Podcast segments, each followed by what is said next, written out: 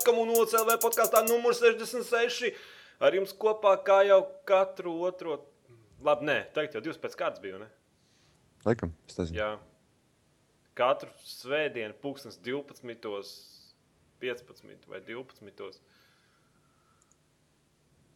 Es taču teicu 67, ne? Vai- Jā. Jā, viss kārtībā. Mēs esam dzīvajā. OCLV slash live, slash var nākt klausīties, pievienoties chatā, ierakstīt savus domas, varbūt mēs viņus nolasīsim. Visdrīzākais jau, ka nē, bet nu, Ir vērts censties. nē. Labi. Es sākšu, ne? Kaut ko Nu, jautru. nu, tāds kaut ko jautru. Es biju zvejot, bet neko nenoķēru. Oh, no. Tas nebija Kā jau. tās, tās zivis tur baigi neslēpjas karstumā. Nu, tā jau ir tā. Jā. Tas, Negribu. tas nezinu. Paņem vairāk tas process patīk, nekā aizbrauc tur tas pats. Akšķerēšana mm sākas ar to, ka tiek iebraucis veikalā nopirkts alus. Tur jau viss sākās. Jā, un runājot par veikaliem. Šodien iegāja Dobels, ne, vakar sanāca, jā, vakar iegāja Dobels topā. Un konstatēja to, ka leduskapī nav atrodams, um, nav atrodams tērvita saules leduskapī, bet ap, atsevišķi uz paletēm. Un tad gāju nolamāju pārdevēju.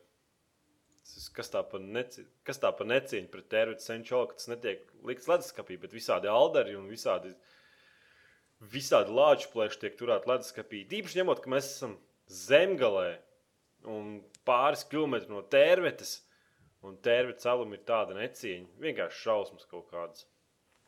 Un, tad, un vēl bija tāds patīkams fakts, ka uh, mums Dobelē topā ir tā, ka līst litīgi lietus gāžu.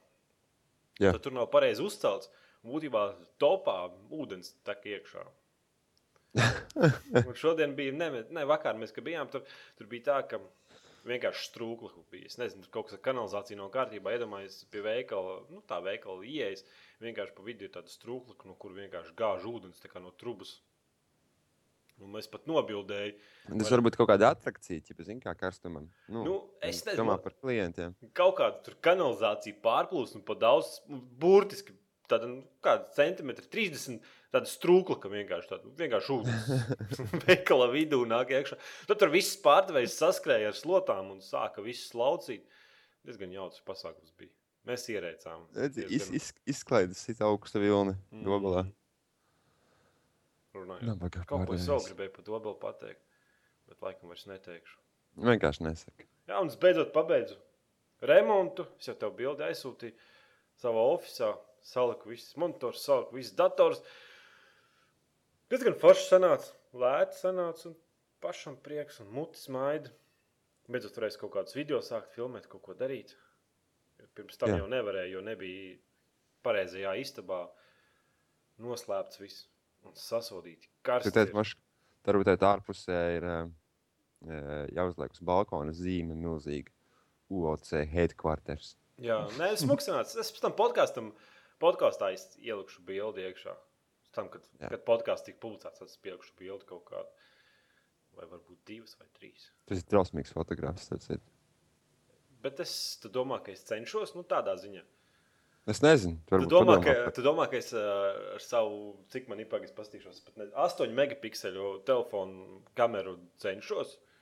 Un Tad tur varbūt vajadzēja šī ekspozīcija padomāt. un Jā, tā. ar puķi kādu nu. nolikt. Ne? Ieslēgt gaismu, at- atnest tos tur tos lietu sargus ar lampām. Tas tur ir fotogrāfs, tad tur čamos ir viens. Nu, jā, bet nu. tu tiešām domā, ka mani tas interesē. Labi. Jā. Jā. Tērēt saules kastu. Jā.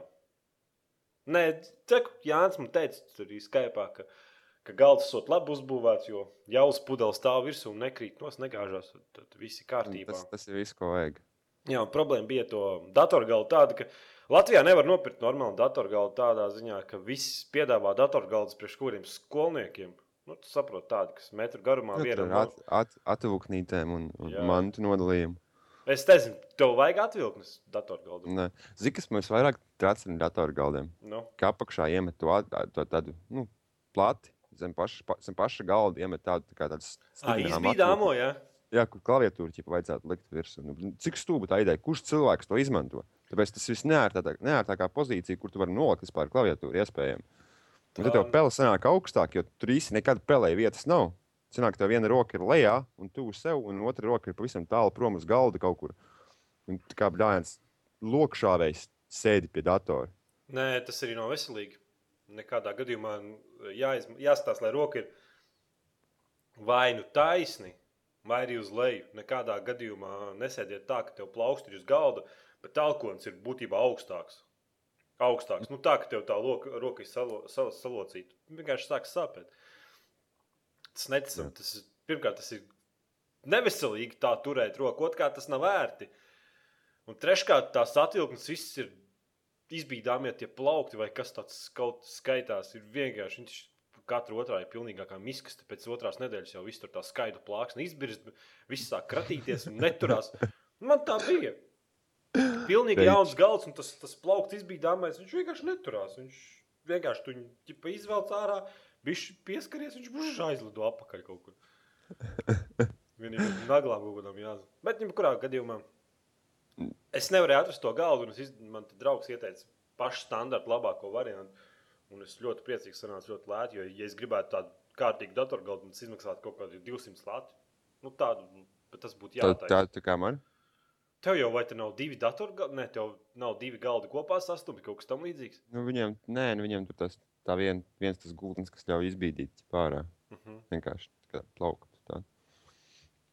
Vienīgā problēma ir, ka viņš ir stikls un viņš ir melns. Un... Nu, bet tev jau divreiz, ir īsts. divreiz dienā jātīra. Jā. Rekutrāns man raksta, man skalpo kā disku novietne. Arī labs variants. Tur apakšā zina plauktis. Bet, nu, būtībā, tu vari nopirkt kaut kādu metru galdu, nu, metru 20 maksimums. Bet, ja kam- tādu zini, kam tādu var forši izmantot? Nu, Zini, kam tādu var forši izmantot? Savu not- netbūku var iemest iekšā. kādu kad tev fiksi vai kaut ko tu izšļūts ārā, vaļā, tuk, tuk, tuk, googlē, ieej, aiztais ciet un aiz. Tu baigi steidzami. vajag. Labi, vienalga. Nu, būtībā es paņēmu, nopirku skapim sānu. Tas, es nezinu, tā ir vienkārši milzīga blāta, tāda divmetrīga, div, divu metru, 60 blāta. Nu, varēja nospērt kaut ko darbā. kura maksāja 11, 11 latu laikam. Nopirku kājas divas, kuras maksāja ar katru pa 11 latiem. Un pieskrūvēju to visu pie sienas, un viss man kaut kāda 35 lati man sanāca divmetrīgs datorgalds, kur, kur, kur man būtu ar mocībām kaut kur jāmeklē. Zini, kā sanām, tā pēc, pēc podkāsta mēs parunāsim par šo vēl. Es gribu, es gribu, es gribu saprast, kāpēc nenospēju vienkārši darbā. Tad tevi klausās, te noteikti šefs. Viņš ieraksta, pēc tam klausīsies. Labi.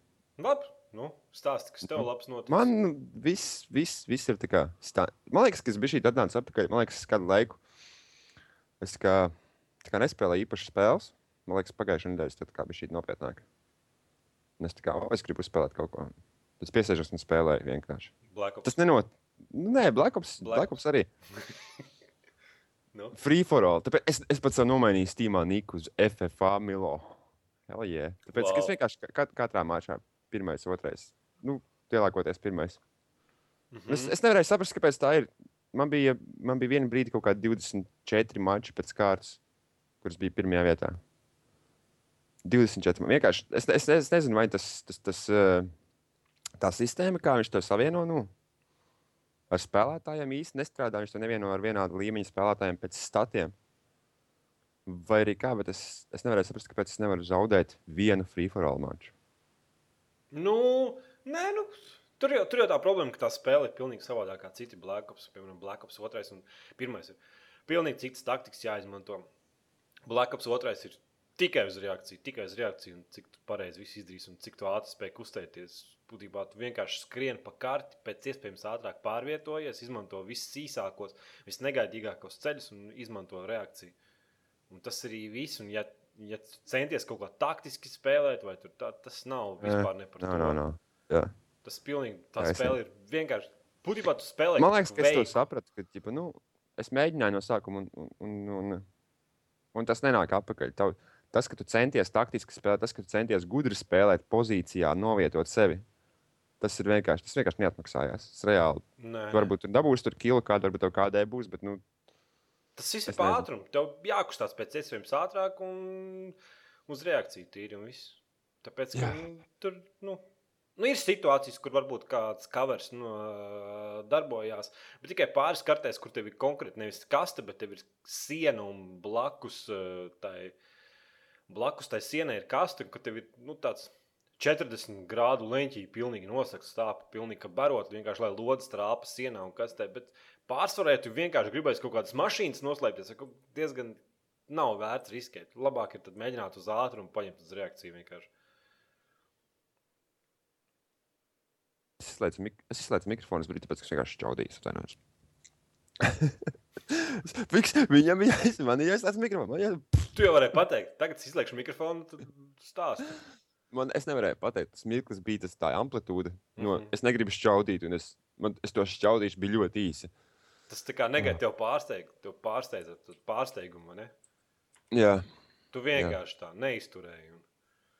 Man liekas, tev par to vajag uzrakstīt blogu. hashtag šķaudīt. Nu, pastāst varbūt kaut ko no dzīves interesantu. Tas tev jautrs noticis. Vēl kaķi, kaķīši neglāb no, nezinu, nepļāva zālē vēlreiz. Nē, es nevaru, es gribēju, bet es, es nevaru īsti, kā lietas tagad pēdējā, pēdējās dienas pāris. Un, un man vajag pagarinātāju vispār. Es nezinu, vai tā ir interesanta saruna. Tev vajag pagarinātāju. Tas apmēram tā kā, zini, tā kā tu būtu man kaimiņos, un ķipa, nu, no rīta tur Mhm. izēja ārā. Sākumā pa laiku jāparunā desmit Jā, jā, pa minūtes. laiku, pēc tam, pēc tam, ah, man vajag pagarinātāju. Tev nav vecais, jā. Vecais aizdod man pagarinātāju. Aiz, aizdod vienu Ai, kabeli. nu skaties uzmanīgi, man tas jau tas sastiķēts. Tā kā tas, es nezinu, vai otrs autori interesēs mani piedzīvojumi. Elektrotransplants prasa, vai tev vajag pagarinātāju līdz ceļiem. mm. Nē, Klusuma brīdis. tu būtu pārsteigts transplants. Turpinam. Tu to negribi zināt. Raudāt. Labi, nu tas stāsts, ko tu tur spēlēji. Tu... Es, es, es, es piemetos uh, visām betām šonadēļ. Un uh, viena no tām ir Neverwinter, kas no Dungeons and Dragons. Uh, Nē, tā spēlē. skaļi, skaļi un smuki jāpasaka. Dungeons and Dragons, Neverwinter Night vai kā tur.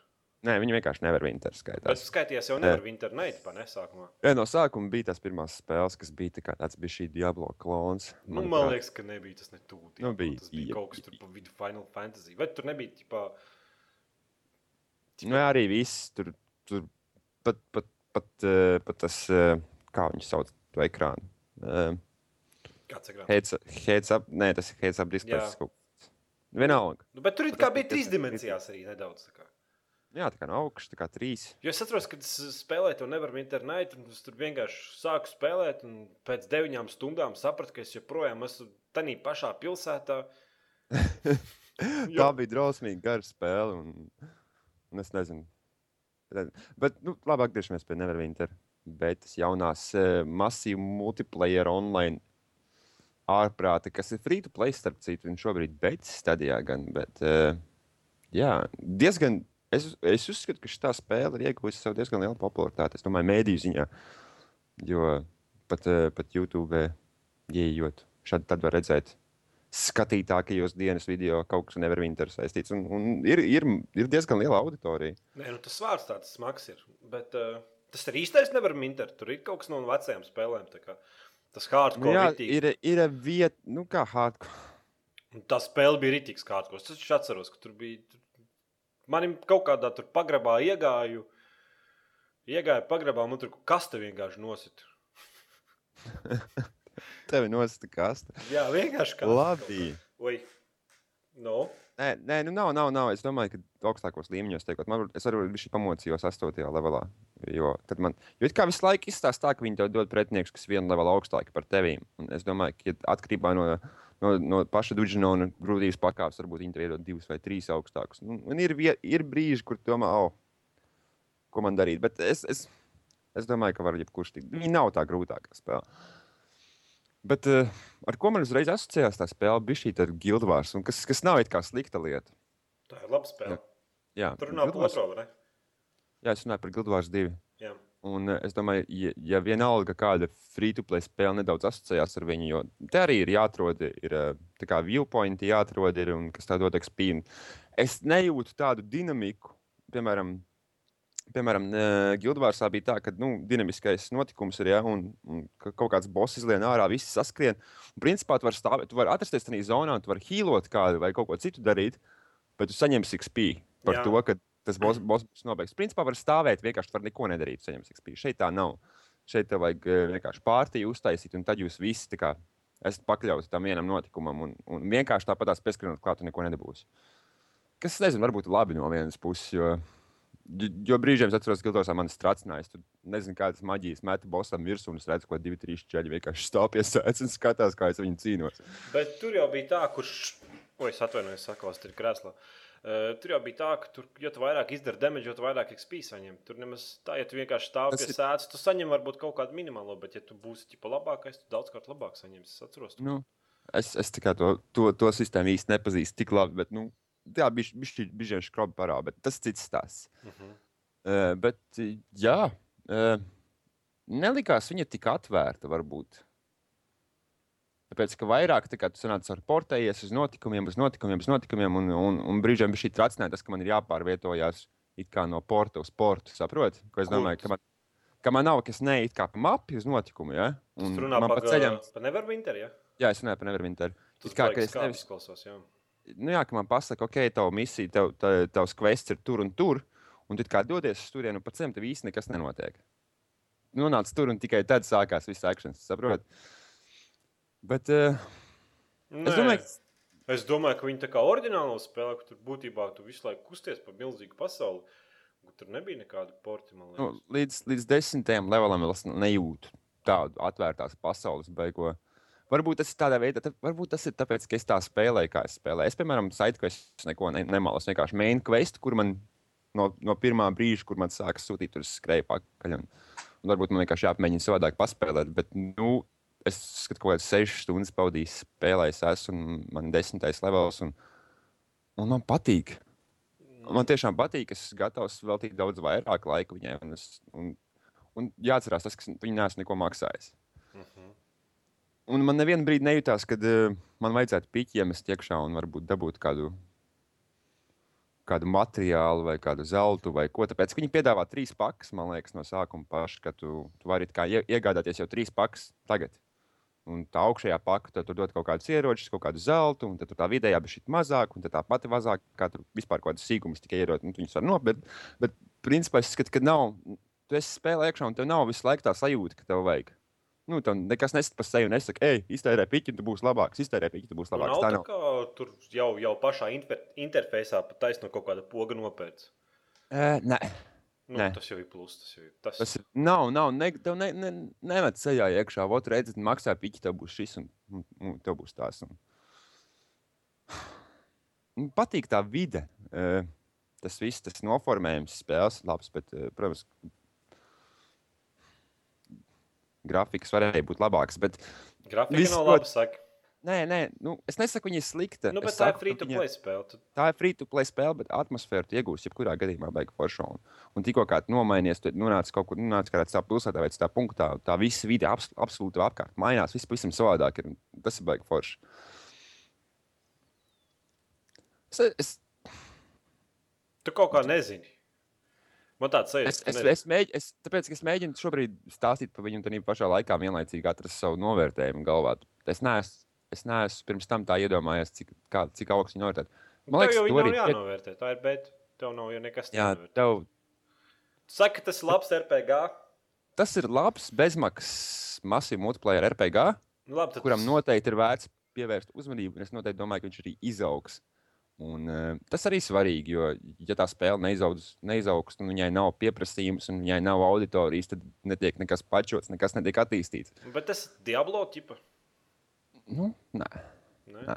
Ne, vienkārši, vienkārši man tāda sajūta, ka tas, ka Diablo izgāzās un cilvēki Atceries, ka nebija- teici, ka tev nepatikās, ka Diablo tika limitēts. nu, Piemēram, šeit, ja te, kamēr tev potioni ir, tikmēr rīviņus vienkārši. Nē, nu es saku, man tāda sajūta, ka, ka Diablo neapmierināja to publiku. Visi uzkurinājās, jo daudziem nepatika Diablo. un Tagad pēkšņi vienkārši kā pēc lietu sēnes auga sāka visi šitie uzrasties. Kas nezinu, Jā, vai plus vai mīnus.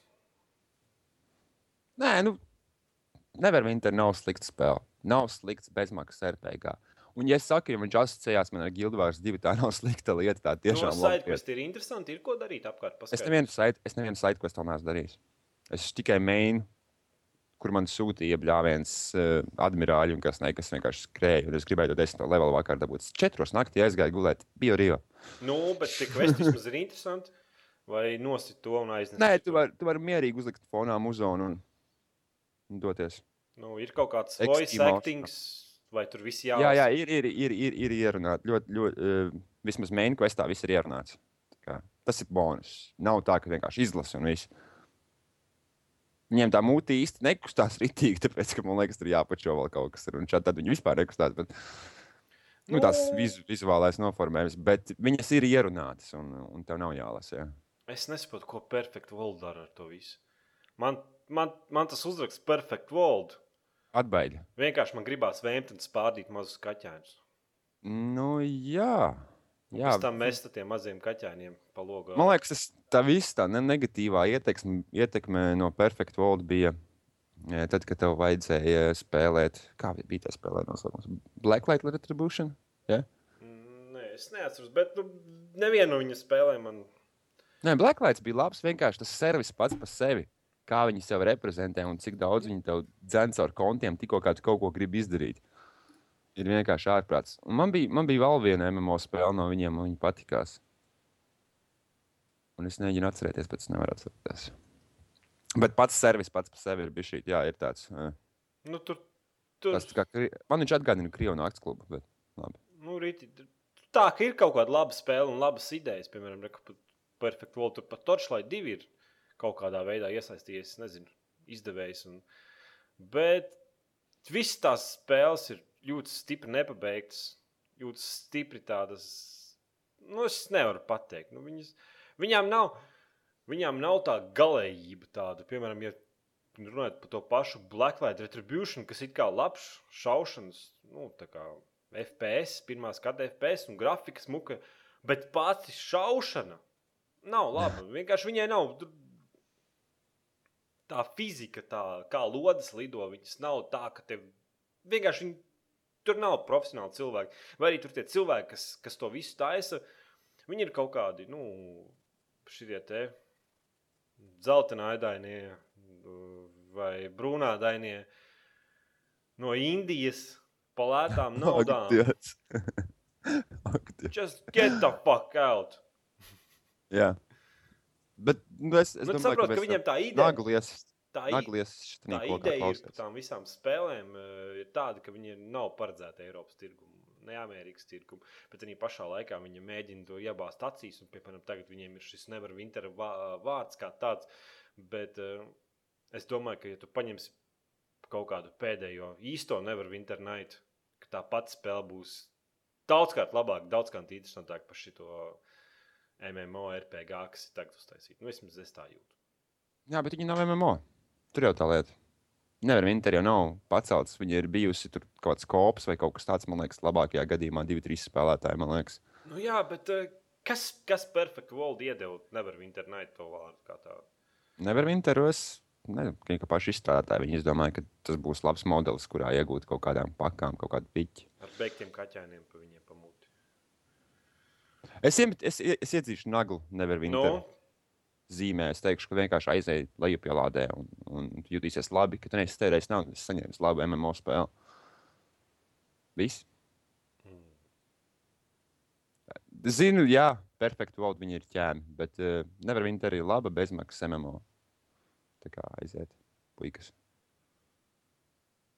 tu palaidi garām komentāru, ko es pateicu, ka Diablo izgāzās.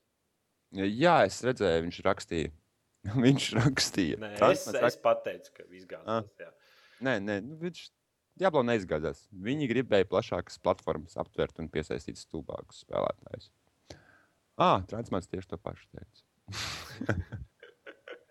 Evolūcija prasa. Evolūcija prasa. Čatā. Padzirdot Blacklight, radās jautājums, vai ir vērts tērēt laiku un iemēģināt un spēlēt. Es domāju, ka nē, tur jau tā lieta, ka sākumā tu sāc spēlēt to Blacklight Retribution.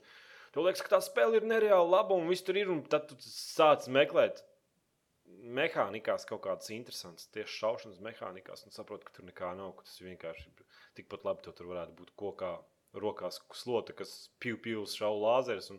Tur no tīri no tādas tīri tehniskās puses. Pat Black Opsā ir vairāk tehnisko, tehniskā pusē interesanti, kā nošaut cilvēku, kā labāk to izdarīt.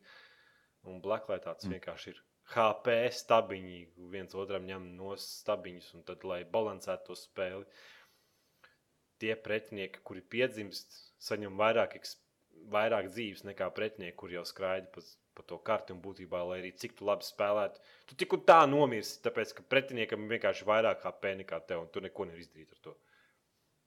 Hmm. Mm -hmm. Eku, pēdējais salnieks jautā, ko es darīšu, kad es palikšu vecs un spēles nespēlēšu. Man liekas, ka, vecs. man liekas, ka spēlē, palikšu vecs, cik tā spēlēšu spēles. Es redzēju, ka kaut kādā jums Anglijā ir, jums ir tā zeltainā prese. Jā. Kā viņi ir? Nosauc kaut kādu no tiem, kaut kāds Nu, ir uh, Daily Scottish- Sunlight vai kaut kas Daily Sun un Scottish Sun ir. Jā, jā, otrs šitie sanni tur bija rakstīts, kur kaut kāds 70 gadīgi Omīts spēlē Playstation 3, un viņai arī tik patīk. tā kā Es neredzu, kur, kurš- kurš čērslis man. Tā kā es diez vai līdz 70 gadiem izdzīvošu. Ja es uzsēdies uz kokaīnu.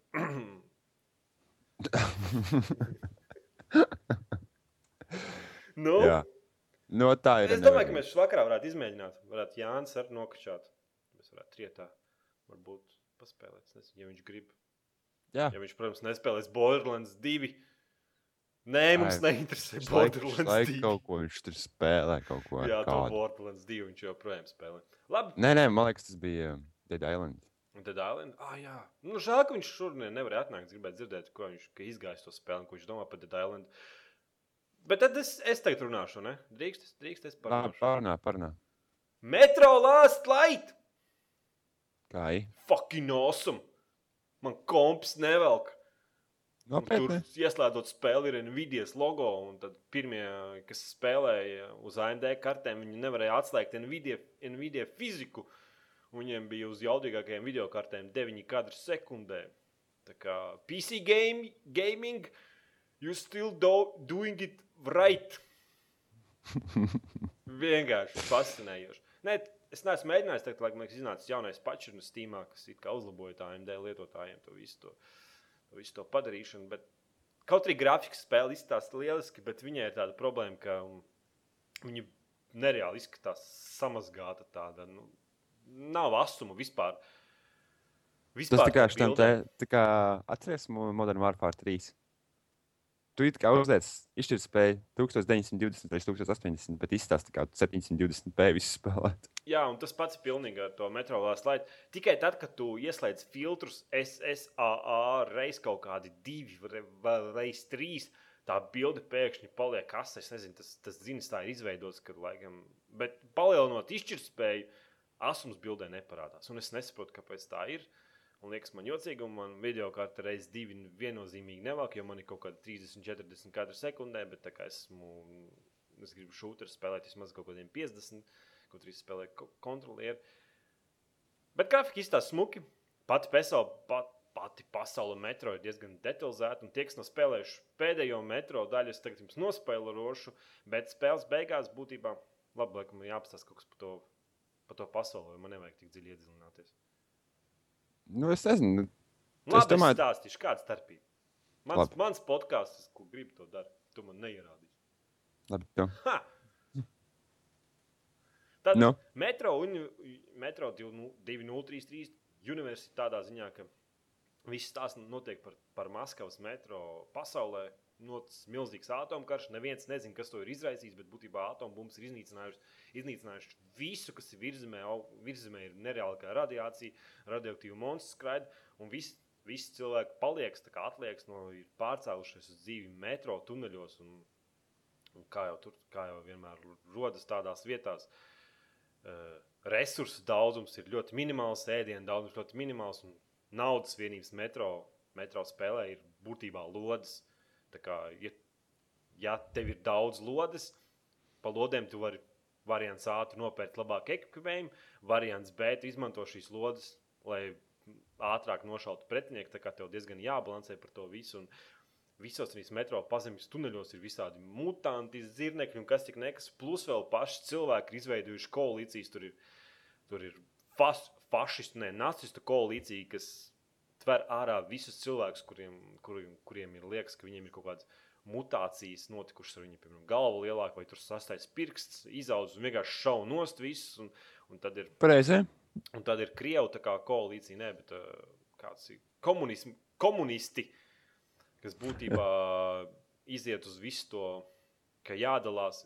Tā kā resursi ir maz, tāpēc visiem jādalās ir vienādi. Tāpēc visiem jābūt vienādi daudz ēdienu, vienādi daudz naudas. Bet, nu, Viss ir ar baigāko vardarbīgu saistīts. Tie, kas lasījuši metro grāmatas, man liekas, tā jau trešā arī iznākusi, kuras neesmu lasījis. Bet pirmās divas ir diezgan smagi par to, ka no, no ārpuses visi šie fašisti un komunisti izskatās ļoti, ļoti smuki un skaisti, bet īstenībā tur nereāli kā vardarbība un viss cīnās par varu. Un ka jebkurā gadījumā, jebkurā pusē, kurā tu dzīvo, tik un tā esi zaudētājs. Jo nu, būtībā cilvēki dzīvo zem zemes, viņi neredz neredz saules gaismu, viņiem nav ko ēst, viņiem nav resursu, un kādam par to ir jāmaksā un jācieš. Un tad, un tad pasaules augšpusē ir uzradusies jaunā rasa, ko sauc par melnajiem. Tie ir vienkārši cilvēku veidīgas būtnes, kas ir stiprākas par cilvēkiem un izdzīvot radiācijā. Un būtībā radiācija tieši nevis otrādi liek viņiem kā, padara viņus vājākus, bet īstenībā viņi vienkārši paliek ar vien stiprāku un stiprāku, un viņus te var nošaut. Un tad, šat, tad šie melnie lēnu kā melnie lēnu garu iebrūk pie cilvēkiem lejā metro, tanīs pazemes tuneļos. Un mm -hmm. pirmajā metro daļā Arčuns ar savu komandu devās uz kaut kādu tur bāzi. Es neatceros, viņam laikam vajadzēja turnīrā augšējā, augšējā uzkāpt. Un būtībā iznīcināja uh, lielu tā tādu mājas, ne, bet kaut kāds tā kā tāds izskatās vairāk pēc kaut kādas prostas. Zin, tā kā Starkraftā otrajā, kad svešie tā zergu rasa uzceļ to galveno māju. Mm -hmm. Apmēram tā izskatās viss tas pasākums, un būtībā Arčuns ar saviem draugiem vienkārši uzspridzināja šīs milzīgā, milzīgo melno mājas. Un tad metro 2000 lēs laita metro, lēs laita sākās ar to, ka, ka viens ir pienākusi informācija, ka viens melnais ir izdzīvojis tas pretinieks un ka būtībā viņi sūta viņu iznīcināt, bet arī pašā laikā viņam ir dilēma ar to, ka viņš beidzot grib nodibināt kontaktu ar tiem melnajiem. Jo it kā pēc visām tām parašām, pēc iemaņām, ko pazemes iedzīvotāji ir izdomājuši, ir liela doma, ka īstenībā melnie negrib uzbrukt, uzbrukt cilvēkiem, bet īstenībā viņi grib izveidot kontaktu. Un, un tas viss tāds, tāds, tāds, tāds liels, kas dilēmas veidojās. Mm -hmm. Nu, pat tāds, tāds spēles ievads stāsts, es, es diezgan tālu neesmu ticis, ko tas četras. Bez spoileriem. Es jau to spēli gribu. Četras stundas neesmu spēlējis. Es, es, es esmu spēlējis četras stundas. Uh, bet diezgan patīkami tas, ka tā atmosfēra, tas, ka viss tas uztaisīts ir tā. Nu, Nereāli smuki un tie personāļi. Interesanti. Un, nu, jā, jā. un Viss tā šaušanas, me šaušanas mehānikas labas, visas pārvietošanās labas un personāļi apkārt ir labi. Bet noteikti visiem tiem, ka tie, kas māca krievu valodu, saprot, kā saka, noteikti iesaku spēlēt angļu valodā. Kaut arī, ja tu nopērc uh, angļu, vers, angļu versijas spēles, tu vari ieiet opcionos un ieslēgt krievu, krievu tulkojumu, lai visi tie personāļi runā krieviski. Jo, jo angļu, jo angļu ierunā tie, tie diezgan tādi, nu, nepārāk. Mm. Un, ņemot vērā, ka viss tas notiek Maskavas metro un visur apkārt ir tieši krievu tautības cilvēki, tas, ka tur tieši klausīsies visas dialogus krievu valodā, nāks par, nāks par labu. Okay. Man baigi patīkami tas, ka tu tiešām jūties tā kā nelielā klaustrofobijā. Tu visu laiku ej un lasi tur tos patronus no līķiem un apkārt vienkārši kaudzes līķu. Kādu, kādu inovāciju reāli uztaisījuši spēles mehānikās? No, Inovācijas no nav tur nekādas inovācijas. Tas, tas koridors, šūters ar, ar to ar post-apokaliptisku tematiku par Krievijas metro. Nav nekāda RPG elementa, nekas tāds. Tu nevari nu, neattīstīt sevi. Nu, tu, tas, nē, nekā tam līdzīga nav. Tu, bet patīkami tas, ka tu izlien, izlien piemēram, ārā no, no pazemes un, un apkārt. Tu vienkārši šeit un tev ir kā flashbacki, kā metro universālā, kā grāmatās tas ir aprakstīts tā, ka būtībā atombumbu sprādzienā šīs vietas, šīs vietas, kur cilvēki ir no, nomiruši lielākos daudzumos, ir būtībā šīs atmiņas ir iededzinātas tajā lokācijā. Tā kā, nezinu, būtībā tu ej un tu redzi, tev tā kā atmiņās tam galvenajam personāžam parādās. Parādās visādas mistikas, un tu redzi, kā cilvēki ir miruši. Tur bija diezgan, tur bija vienkārši Maskavas vidū mētājās lidmašīna noteikti, un tu būtībā iet lidmašīnā, un tev ir neliels video, kas pastāsta, kā tā lidmašīna, kā tā lidmašīna skrita, ko tie cilvēki darīja, un kā tur panika. Un diezgan tā nu, atmosfēriski. Mm. Vēl kas ir patīkami, kad, kad tu pārvietojies pa virzemi, kur saules gaisma.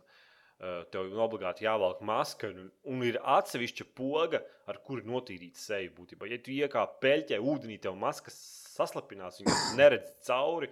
Tev visu Jā. laiku jāiet, jātīra. Piemēram, tu tūsiņā tev monstrs uzbruk. Ja tu kādus divus, trīs bisi novāc tūciņā, tev viss seja vienkārši ar asinīm nostraipīta, un tad nemaz neredz cauri, un tev ik pa brīdim vajag atrast to brīdi, kad piespiest to pogu un notirīt masku. Un jāuztrauc arī pa gaisu. Ir. Tu kā gribi iet un skatīties, kas apkārt notiek, bet tu visu laiku dzirdi to radiācijas, to tirkšķi, ka tu pie, nu, pietuvojies kādam metāla objektam. Un visu laiku jāuztrauc pa gaisu. Man liekas, maksimāli tur virzemē uzturēties desmit minūtes līdz brīdim, kad tev vai nu jāatrod papildus gāzmaskas, tie filtri jauni, vai arī tev vienkārši jādodas pazemē apakaļ. Tā kā diezgan patīkami viss uztaisīts. Ir mistiski un tās cilvēka attiecības. Pašas grāmatas noteikti iesaku izlasīt, bet tur bija tā piņāšana, ir tas, ka viss tā tehniskā daļa, kā notiek arī metro attīstība, kas, ko, ko cilvēki domā, kā viņi turpina dzīvot. Tas viss ir interesanti, bet tik pa brīdim tas rakstnieks ieviļās tādās domās, ka ko es darīšu tālāk, vai man jēga iet uz priekšu, tās filozofiskās jā, jā. domas, jā. vai man jēga vispār censties. Tie, kas ir lasījuši bada, bada, bada grāmatu, Hunger Games, otro grāmatu, kur tā galvenā personāža, galvenā per, me, meitene, tā, viņa ar tur pusgrāmatu piņā un savās domās raud apmēram viss tas pats arī ir ik pa brīdim metro grāmatās iemetās, kas ir diezgan neinteresanti. Tad pašā gadījumā. Daudz, vai daudz tu redzi no grāmatas pašas arī iesaistīts spēlē, tā kā to jā, autoru tur, tur ir darbu ielikt? Jā, jā, ir, tie, ir, ir personāži. Protams, protams, video spēlē viņi nav tik uh, fantastiski. Nu, tāpēc, kas, tāpēc, ka grāmatā katram personāžam tur var, var teikt veseli. Veselas divas, trīs lapas puses tiek veltīts tikai aprakstot to personāžu kā tādu, ko viņš panāca, ko viņš ir izdarījis, kāpēc viņam ir tāda iesauka, kāpēc viņam tur ir rēta un kāpēc viņš ir kaut ko slavens, kāpēc viņi varbūt vispārēji ienīst. Un video spēlē tu neredz no tā. Tu vienkārši šis personāžu vārdu tu iedzirdi kā tādu. Šis ir labākais šāvējs un hunters un viss. Un, bet tu grāmatās par viņu reāli, man liekas, pusgrāmata ir par to hunteru ir aprakstīta. Man liekas, man liekas vai otrā, vai pirmā grāmatā, es neatceros, kā tas bija ka tas Arčuns, kas ir galvenais personāžs, īsti nav tādā grāmatā galvenais personāžs, bet tieši Hunter, tas mednieks, bija īstais. Noteikti iesaku. Viens mīnus ir tas, ka tu gribi grūtības pakāpi, tev vajag pirkt DLC, kas vienkārši smieklīgi. Būtībā, ja tu gribi grūtāku grūtības pakāpi, kas ir kaut kāda tur stalker režīms vai nekas, tev jāmaksā 5. 5 tas ir vienkārši izlams. Tas ir rītīgi. Tas tā ir vienkārši laupīšana. tā ir laupīšana. Bet nu, man paveicās, nopirku limited edition. Un tad man mm. tas režīms bija noteikti. Viņi izmēģināšu, bet apskatā, par, apskatā nu, kad apskatā aizīšu, viņu nevarēšu iekļaut. Jo izlāk. Es nezinu, kā var, kā var pārdot grūtības režīmu atsevišķi par piecām eirām. Tur kaut kādas viņa papildus lodes piesviež un kaut kādu kalašņika automātu piesviež, kas ir vienkārši nu, smieklīgi. Tas nav saturs. Tas nav saturs vispār nekāds. Automāts un lodes, ko tur, ko tur izmantot kā naudas vienība, tas nav saturs, par kuru jāmaksā 5 eiro. Un grūtības pakāpe vēl jau mazāk. Bet, nu, tā ir vienspēlētāja režīma spēle. Es domāju, ka šai spēlē būs daudz, daudz pirātismu. Tas vienkārši. Bet es uzreiz debūsu un nopirku, tāpēc ka, tāpēc, ka esmu cilvēks, kas grib, lai tādas spēles turpinātu un viņas tiktu ražotas. Jo, jo ja, ja neatbalstīsim tādus izstrādātājus, tad mēs visu, ko mēs saņemsim, tas ir Black Ops un Battlefield un, un nekas tam līdzīgs. Tieši, vispār vairs, jo tas vienkārši izmaksā ļoti, ļoti dārgi un atgūtā nauda, man liekas, stipri minimāli. Jā. Labi! Labi. Tu vēl spēlēji beigu ar nosaukumu Rising Storm. Jā, kas ir Eiro Chester 2 standalone DLC. Bet viņi tā kā betā Tas- var spēlēt, ja? Jā, tā kā betā viņi var spēlēt ar botiem. Pēc tam būs jāpērk. Es nezinu, kas notikās ar Steam, kas tur. Es, es drīkstu teikt. Es, es nopirku viņu Steamā, un es nezinu, kāpēc man pēkšņi parādījās Raidor Chester 2 arī Steam kontā. Jo es tikai nopirku tikai Raising Store. Hmm. Interesanti, un nekas arī piedāvājumā nebija rakstīts, ka es saņemšu Raidor Chester 2, bet labi, Jā. lai tā būtu. Rising Ē. Storm, tas kaut kas pa Japāņiem, ne? Jo, jo, jo tur Tas ir. ir Tur Rising ir. Sun kaut kas uz to pusi. nu, Spēle ir baigta foršā. T- Viņa ļoti labi tur sevi līdzi simulācijām mūsdienās. Piemēram, viena lieta, kas man nepatikās, es uzreiz, uzreiz pie negatīvā ķeršos klāt. Es izgāju cauri visam tam apmācības kursam, ko viņi paši piedāvā spēlē. Ja, un, un, un man patīkās, man liekas, wow, kontrols ir tiešām foršs. Viss tas, kas ir iekļauts spēlē, tas apjoms, mašīnu gani un tanki, un tas, kā tu vari komandēt savus komandas locekļus, tur viņiem teikt, uz kuras sēdes stāvēt, zem kurā grāvī gulēt, un kuram tankam šaut, un kuru māju iznīcināt. Un tu vari bez mazliet tādas stratēģijas spēles, tur maukt vaļā. Eh, Bet eh, un tas apmācības kurs bija tiešām foršs un, un, un vienkāršs. Un, un, un, un tās kontrols, piemēram, tas pieredzi pie tikko kā simulācija, tā tev ir uzreiz tas, eh, tas kontroļu valnis, kuram tev jātiek līdzi. Ja. Bet šeit tā kā nelikās tā, likās diezgan vienkārši. Tā saprotam, ok, tāds klasisks FPS, un tur bija šī ok, tu paliec uz vienu pusi, bišķi, un tā kā apgūst tās kontrols aši. Un, bet tad, kad es nonācu pašā spēlē, tas, protams, tā ir beta. Es mēs tikko nonācām pašā spēlē, es, es domāju, ka 60% no tā, kas man tika iemācīts, vispār izmetu miskastē, man nevajag vienkārši to. Jo viss, ko es redzēju, ir akcijas spēles tips, kas principā ir deitmačs ar, ar, ar, ar, ar punktu kontroli. E, un lielākā daļa no serveriem uzturēja sevī trīs spēlētājus un 40 botus. Jā, pa Un es kāpnēm, pa netiku kāpnēm ne var uzkāpt viegli. jā. Nevajag nekādu var. pogu jā, jāspiež. Var vienkārši pieiet un vienkārši tā kā jā tu vienkārši skrien virsū viņām. jau dot pieci. Nu, tu spēlēji Redor 42, vai ne? Jā, es spēlēju. Man, Nu, man patīk tā spēle. Bet viņa. Es nezinu, kas viņam liekas. Man liekas, viņa bija pa lēnu. Kaut, kaut, kas man liekas, ar to tās kontrols īsti nebija. Un tas simulācijas līmenis īsti nebija. Un kārtas bija diezgan drausmīgas. Paši par sevi. man liekas, viss vis ok. Un man liekas, ka eh, tās kontrols, kas tikušas pielāgotas tam simulācijas līmenim, kur spēle sevi iekļauj, ir diezgan labi un ir ok. Bet uh, es kā gribēju pamēģināt spēli, bet es īsti nesaprotu, kāpēc man tur ņemt un stāvēt vienā stūrī, snaiperim un botu šaut divas stundas. Absolūti nekādas. Es nezinu, viņi nav populāri. Kur ir problēma? Es, es, redzu, es redzu kaut kādus 60 serverus izvēlē, bet eh, es redzu divus serverus, kuros ir 4 spēlētāji un 40. Uh, es tev pateikšu, pirmā lieta, viņi sauc sevi par kaut kādu simulātoru un bla bla bla, un tas, tas, tas. Bet arī pašā laikā spēlējot, ir kaut kādas zonas, kurās tu nevari iet iekšā. Vienkārši atceros, ka spēlē man vienkārši tracināja ārā. Tu it kā sēdi ar sniperi, aizracies rītīgi tālu un aizsargā, aizsargā punktu, un pēkšņi, un pēkšņi tev kaut kāds neredzams siena pāriet pāri un skrien apakaļ savākt nožauts, jo tu esi ārpus kombatas cīņas. Kas Jā, jā, saprot, jā. kas es saprotu, loģiskā ziņā tādā, ka varbūt tu negribi, lai spēlētājs iziet no visas kartes. Bet kad tev ir punkts, kurā tu vari ieiet, un pēc tam pēkšņi kaut kas mainīgs, un tu vairs nevari tur atrasties. atrasties un tu pieslēdz kājās un skrien apakaļ un īsti nepaspēji. Nu, Tas man tā kā nenotikās. Man tikai vienā brīdī bija tā, ka es pārāk tālu iegāju viņu zonā. Nu, tas man liekas, Bet tā, ka mani no vietas kāds dzītu ārā, tā nenotikās.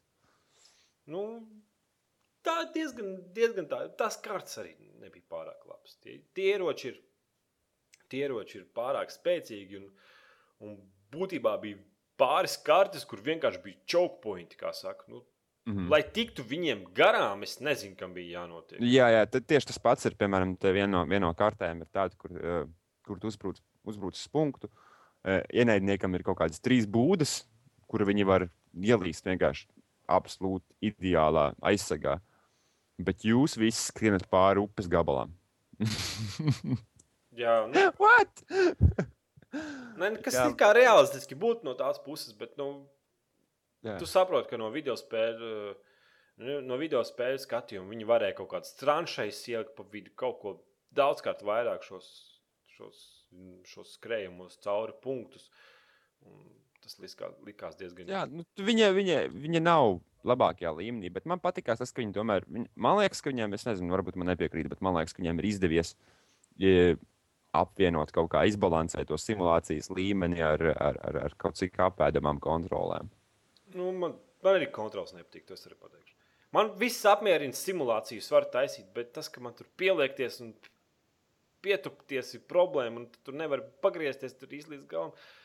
Tas kaut kā, nu, Jā. viss tas tāds Nu, bet es ne- samāks, samākslots, samākslots, un tad beigās saproti, ka arī pašā laikā, ja viņi grib veidot super, super simulātoru, tad tu uzreiz atrod, kā piemēram tās neredzamās sienas, kaut kādu lauku, kuros tu nevari skriet, kas ir vienkārši, kas, kas tur reālistiski no tā, kurš karējs vienkārši skrēja un vienkārši nomira tikai tāpēc, ka viņš izskrēja no kaut kādas zonas, likās tā.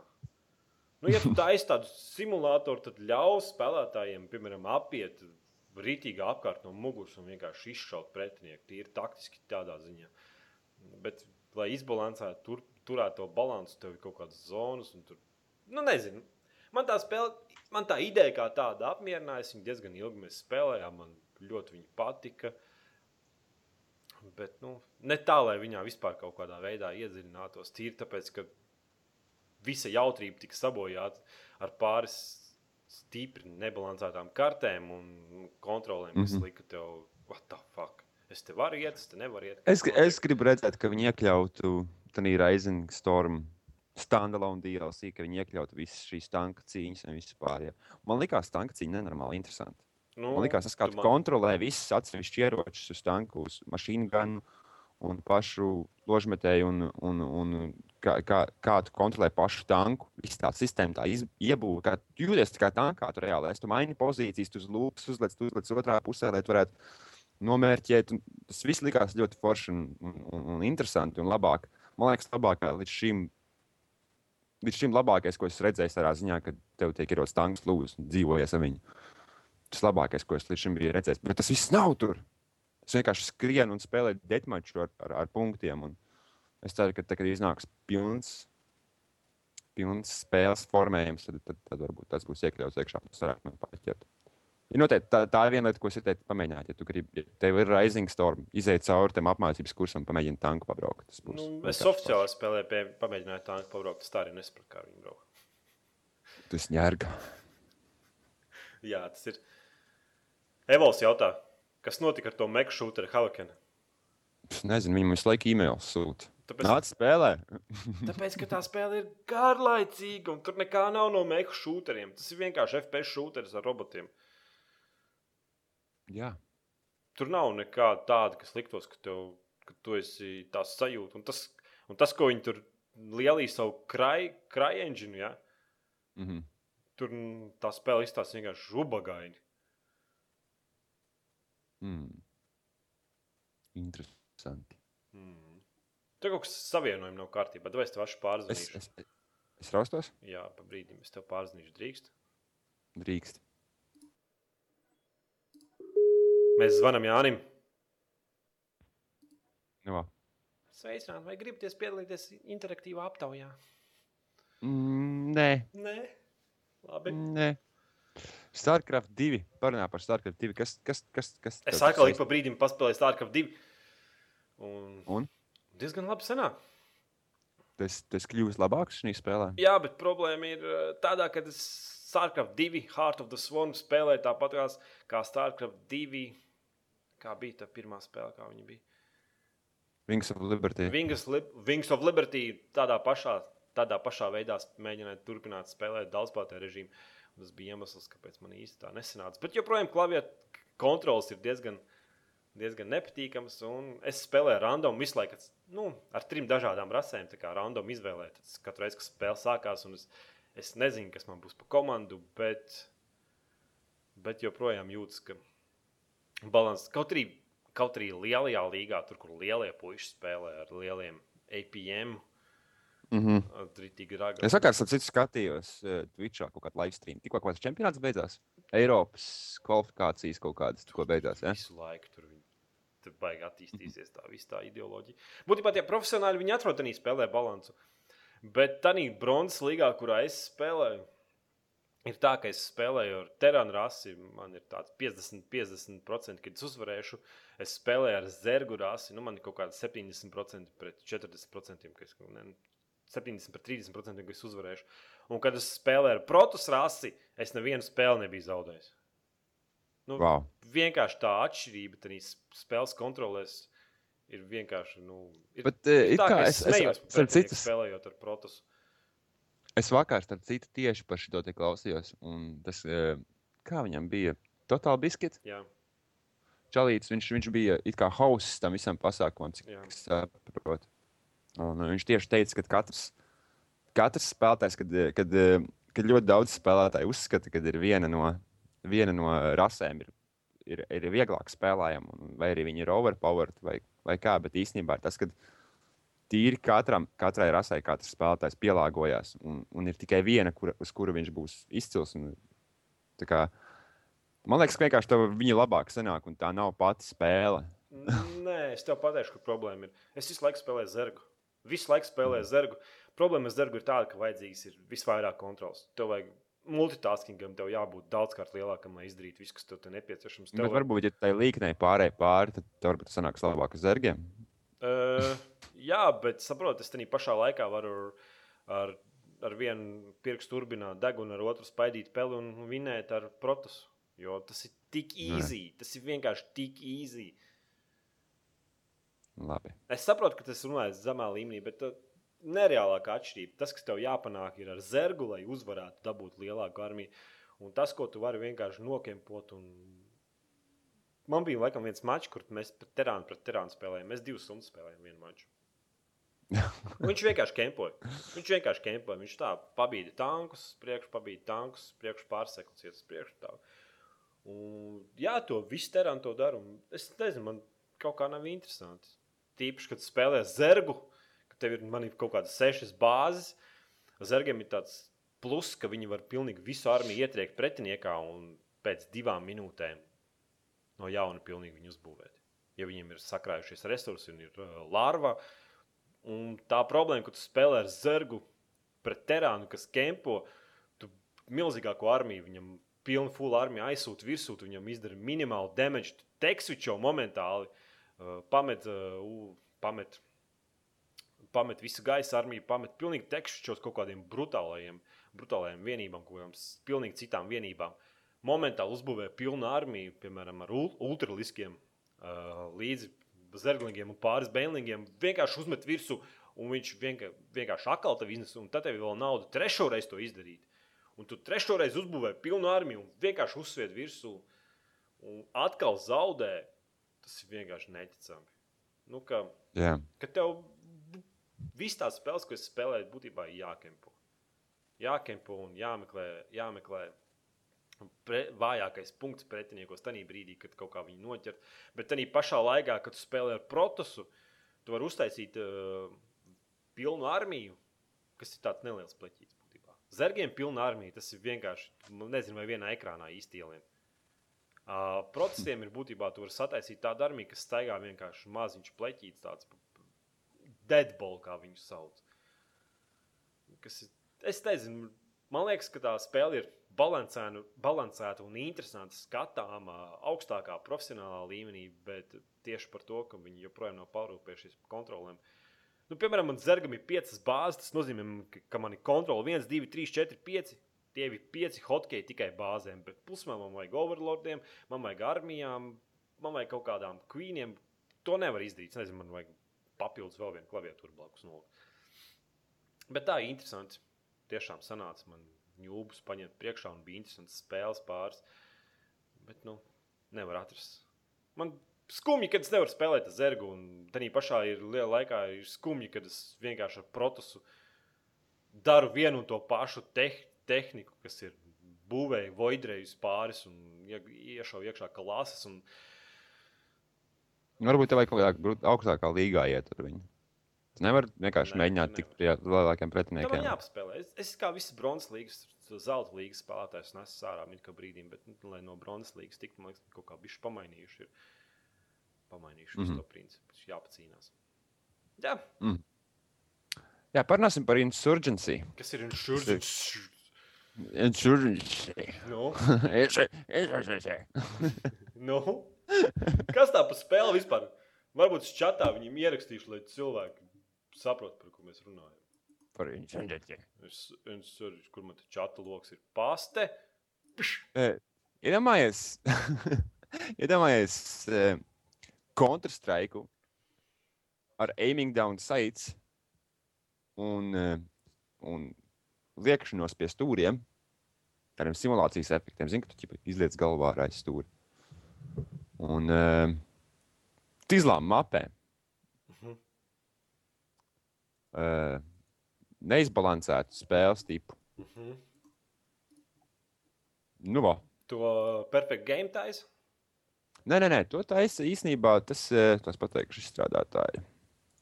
Mēs, es tā pišķīt novērsīšos. eh, Es te iegāju Google un iemetu, iemetu attēlus iekšā. Izskatās, izskatās vienkārši, kāpēc, kāpēc to spēlēju. Jo tas jautājums uzreiz ir. Eh, Tāpēc es gribēju izmēģināt un, un apstīties, kāda viņa ir. Bezmaksas viņiem. Eh, Nē, Pa viņu vēl jāmaksā. Jā, viņi ir ārā no, viņi ir ārā no betas Oh. Tā.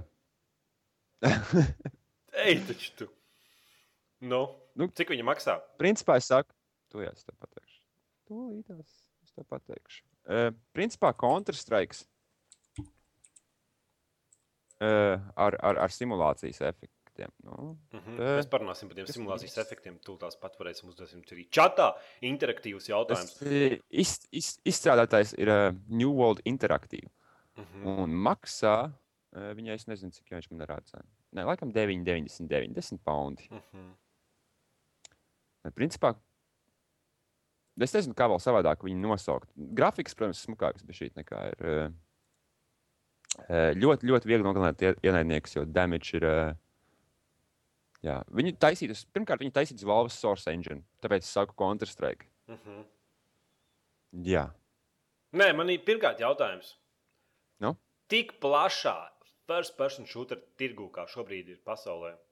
jā. Un tādas spēles kā Black Ops, Battlefield, Counter-Strike, Source.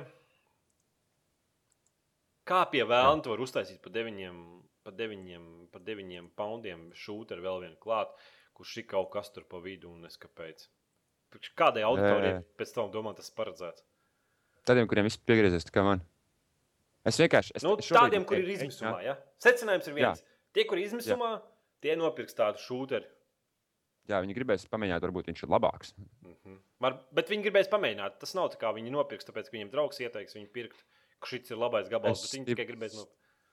Viņš varētu būt ļoti labs taktiskā spēlēšanā. ar čomiem. Man liekas, vienreiz par to vienu, vienu, vienu spēli jau to teicu, tikai es nezinu, par kuru. Un, mm. Mhm. Jo tas damage, ko tu izdarīji ienaidniekam, ja tu izdarīsi, ja, tu- ja tu eh, sekmīgi izveidosi eh, kaut kādu savu pozīciju, uztaisīsi, vai arī eh, pietiekami labi izdomāsi, kur ir ienaidnieks. Viņam nav no mazākās izredzes. Tas ir pozicionāli. Ja tava pozīcija kartē ir labāka nekā ienaidnieka pozīcija, tu viņu nošaus. Okay, Viennozīmīgi, vispār nav šaubu. Es, es, es, es to lieku kā garantu. Un, uh, varbūt ar to viņi ir savādāk. Varbūt tas arī, kas man likās forši par to spēli. Bet viņi nav optimizēti. es, es arī esmu šokā. So, Source Source- dziļi purinās. so, Sources dzinis uz tās spēles ir, bet es nevarēju saprast, kāpēc man vienkārši. Viņi kā rāda, kāda ir labi, ok, bet atcerēsimies, jau vienreiz jau stāstīju par to, ka man bija tā ar Black Ops. Ar pirmo Black Ops, kad tu it kā tu mēģini pārietot peli, nu, tu mēģini mērķēt, un tev liekas, ka tur ir kaut kāda aizturīga pa laikam. Nu, signāls kā atliek, jā. Jā, Un te un es domāju, what the f... Jā, it kā kāda ir. Nevis, nevis signāls atpaliek, saprot, nē, viņš neatpaliek, bet viņš vienkārši tinās. Tev liekas, ka tev paš, paš, pats, it kā spēle pati iet normālos kadros, bet tev liekas, tikko kā tu gribi tēmēt. Mhm. Tā tev viņa, tā, tāda sajūta, ka nokrītās kaut kādiem 25 kadriem, ka tev, tev ir mirkļi, kur tu nevari notēmēt. Ir sevišķi, tā, kad tu izmanto aiming down the sites. Es nezinu, varbūt tā ir tikai mana grafikas karte, kas pēdējā laikā es sapratu, ka man nav tā labākā karte. Es, es to, ka viņi 7, 9, 70 ļoti daudz spēles nav optimizētas priekš viņas. Uh, Ne jau tas viss spēles. Daudz, ļoti daudz spēles vispār nav optimizētas kā tādas. Nu, jā. Jo, Nu, Viņa nemaksā 10 poundus tā spēle. Es viņu redzu kā kaut kādu 2-3 poundu variantu, ko Valve piedāvāt varētu tagad. Bet, uh, bet viņi ir savādāk. nu, klausies, čatā Nu. visi var uzrakstīt, kurš aktīvi izmanto, ja kādā spēlē var izmantojis iespēju pieliekties pa labi un pa kreisi. Visi saprot, es... Es visi saprot ko es domāju. Nu, tā palīdz, tā ir kā uz sāniem. Med-. Medal, medal, medal of Honor. Tu izmantoji Tas- to iespēju. Jā, es izmantoju Medal of Honor. Es nevienā spēlē viņu ne, es nesaprotu, kāpēc tas vajadzīgs un kāpēc tas ir ieviests vispār. Tas ir atkarībā no tā, kā viņi izveidot. Viņa bija ļoti labi izveidota Medal of Honor. Uh, šeit tu kā vairāk pats izlien ārā. Tas, tas nav tikai tavs viduklis. Zini, tā kā armā rādīja, ka tikai viduklis paliec ārā. Uh -huh. Man liekas, ka, tā, kad es spēlēju, protams, uh, Medal of Honor nav trešās personas skata, bet, tā, tā izdara, tas sajūta ir, ka tu reāli tikai galva paliec ārā ar ieroci no, no aizsega. Bet te ir tā, ka tu paliec uz malu, un viņš tā kā kāju arī izmet. tā Kā viņš pats līdz pusē no izlien ārā no tās aizsega. un Tas man tracināja bez šī. Tāpēc es viņu šī spēlē neizmantoju. Nu, es saku, man liekas, tas ir bezjēdzīgs variants. Nezinu. Labi. Vēlams, parāds, insurgency.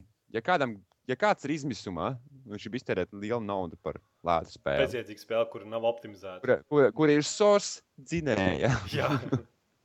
Es domāju, tas ir vienīgais, kas viņu šobrīd tirgo. Mhm. Tas ir vienīgais fakts, kas viņu šobrīd Tas ir tirgo. Kur ir- vienīgais plus, jā. Jā, viņi ir source dzinē- dzinēja, kurš īsti nestrādā šorīt. Pārsteidzoši, mm Mhm. -hmm. bet nestrādā īsti. Lūdzu, insurgency. Mhm. Ar simulācijas efektiem. Jebkuru ieroci var ienaidnieku nogalināt ar vienu šāvienu. Galvā. Ē, Jā, ar jebkuru. Viņam nav kā. Nav ko Nu, ir kaut kāds, nu, jātrāpa smuki. Nu. Sejā, Mhm. pa degunu, Skumji. pats. Jā, un es iztērēju 10 poundus par viņu. High five! Tāpēc. tu viņu nekad vairs nespēlēsi, vai ne? Es nezinu, varbūt viņi apdeitos viņu. Man patīk, bet man visu laiku trāc, man reāli, man ir aptur, man, man, es pērku spēles, un es viņus gribu spēlēt. Bet tikko kā viņi nav optimizēti, tā es viņu vienkārši neiztieku, kamēr viņi nav nopačoti. Es nevaru, man nervu neiet pār tam. Man cilvēki citi sūdzās, zini, tipas, nu, kas tur stūvis, nu, Skype raksta, kas tur stūvis. Man vispār tā spēle iet ar 25 kadriem sekundē. Kā man tas palīdz? Kā tas padara manu spēli labāku? Nē, man, man, Es nevaru. Man arī bija tas pats efekts ar Cry 3. Kad, eh, kad man spēle jutās spēlējama tikai tad, kad viņiem bija kaut kāda 80, 90 kadru sekundē. Un kā tur zem 50, 60 tā likās, ka tur viss purinās un raustās. Un tas- ir atkarīgs no spēles un no dziņa, un kā viņš veidots un kādas prioritātes dotas tai spēlē. Tieši tādā ziņā patīkami spēlēt Black Ops joprojām, ka, vai Call of Duty, jebkuru. Kur, nu, tur vismaz kontrols ir, jo, joprojām ir. Kā tēmē tā ir. Nu, neskatoties to, ka tur tā. Neskatoties uz visiem citiem mīnusiem, bet nu, kontrols tieši tās sajūtas, kā tu tēmē, kā tu pārvietojies pa karti, ir, man liekas, spēlējamā stāvoklī, stipri spēlējamā stāvoklī. Runājot, runājot par Call of Duty, Nu. runājot par veco labo kodu. Call of Eh, Duty ir- Black Ops 2! Jā, Uprising DLC. Un es vakar pavadīju kaut kādas trīs stundas Mob of the Dead. Kas ir Mobile Kas, Dead? kas, kas ir jaunais. Es, es, vairāk, es, es nenāšu tik daudz par mapēm, kas ir vienkārši. Tur viena mapa vispār ir nokopēta no Black Ops, vienkārši jaunām tekstūrām uzbāztām virsū. Es par mapēm nerunāšu. Bet es runāšu tieši par Mob of the Dead, kas ir ļoti, ļoti, ļoti foršs, ļoti, ļoti interesants uh, zombiju mods. Nevis mods, bet uh, principā jauna mapa ar jauniem, ar jauniem uh, personāžiem un jaunām tādām tā kā. Principā tu esi Alcatrazā. Tas izskaidro daudz. Tu esi Nu, Alcatrazā un Tas ir cietums ūdens, ūdens vidū. vai Jā, un principā tev, tev, tev ir iedota jauna feature, kas visu izmaina. Tagad nevis tu skrien no paša sākuma meklē, kur ir power slēdzes, bet tu pats vari pieiet pie elektrības, nosisties, un tu vari tā kā iet arī afterlife modā, Mhm. kur tev atklājās jaunas iespējas un jaunas features mapē. Tu vari pārvietoties pie jaunām vietām, tu vari ieslēgt to, tu vari izslēgt to, un tev ir noteikts laiks, un pēc raundiem tu iegūsti. Tev, tev ir trīs, tu trīs reizes to vari izdarīt, nu, Mhm. raundā. un pēc raunda iegūst vēl vienu reizi klāt. Un tikko kā tu, tev beidzās tas limits, tad, protams, nomirsti. Bet tu to visu vari balansēt un izmantot pareizi. Un tu, es nevarētu izstāstīt vienā dienā, cik daudz jaunas features ir piemests klāt. Nevis cik daudz jaunas features, bet tieši cik daudz aktivitātes tu vari izdarīt tajā mapē, jaunajā Alkatrās. Jo tur ir sākot ar lidmašīnas lidojumiem un, un Pirmkārt, lai pakapančot ieroci, tev jau ir jābūt kaut kādā 15. raudā, 16. lai tu varētu dabūt visas mantas un uztaisīt lidmašīnu un aizdot prom no mapas uz citu vietu, kur tu vari pakapančot ieroci un tad caur elektrisko krēslu atgriezties savā cietumā. Oh. Es, uh, Pagaid, bet Es- es... klausoties, to spēli var arī beidzot iziet. Nu, tā kā pabeigt, viss, tu esi svinējis. nu kā, tu viss vinnēsi, ja gribēji endi kredīts? Jā, Nē. nē. Nu kā, nu tu taču vari atgriezties atpakaļ un turpināt tālāk maukt, reipot. Un, Nu, bet tu nevari. Bet var izdarīt, Tu nevari tu izdarīt tur visu iespējamo. vilcienu un aizbraukt, un viss, un tev ir laimīgās beigas. Nu, it kā nē. tu it kā vari uzbūvēt līniju un aizdot prom no Alcatraz, bet tu nonāksi uz tilta, uz kura vēl ir divi bosi, kur tev jānogalina. ir Un, un vēl viss kas. Un, jā. e, cik tas man tracināja bija šī mobila dēļ? Man viss likās baigi forši, viss tā fīša, tā jaunā, kā es teicu, ja, tā Mhm. afterlife mode, kur tu kā nomirsti, pats sev elektrību nosit, un tad tu pārvietojies kā e, bez, bez e, matērisks Caur sienām var lidot. Nē, nē, nē caur sienām nevar. Ai. Bet tu redzi, tu- tev ir pieejams jauni punkti kartē. Ir Mhm. sie- uz sienām parādās portāli, pa kuriem tu vari pārvietoties. Tad tu vari pārvietoties ar tiem portāliem, uzlikt augstāk un ieslēgt un atvērt kaut kādas durvis kaut kur cietumā. Un, lai tiktu klāt, piemēram, aparātiem, visiem, vis, vis- visiem per, visām pērku mašīnām blakus ir sensors, kur tev ir jāiet.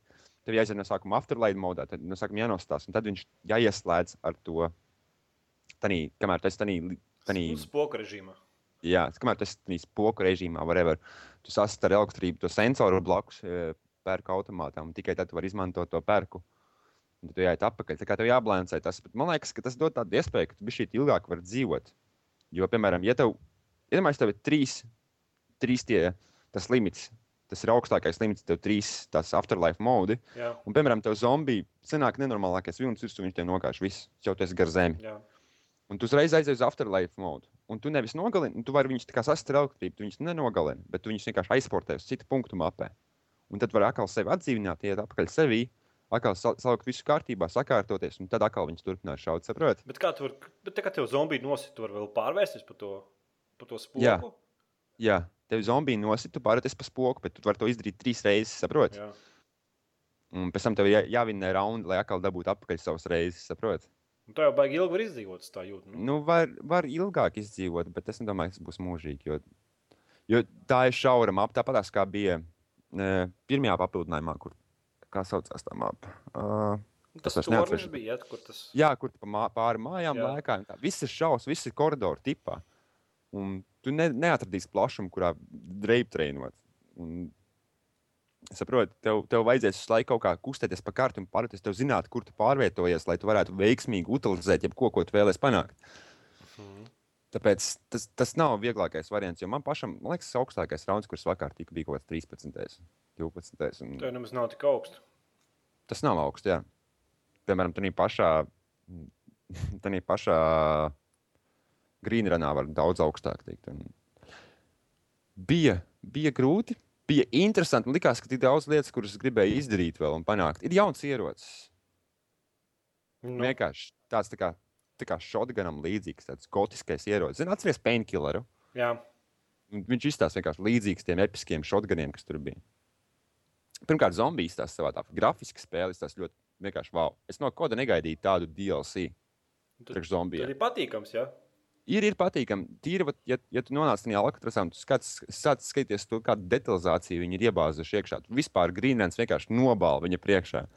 Visi ieroči, viss tas noformējums, zombiji izstāsta savādāk. Viņi visi ir aptāti, aptīti tādām kā dzeloņdrātēm. Viss tāds tā kā tāds stiliņš jauns pavisam. Tāds, ko līdz šim nu, es neesmu redzējis kodā.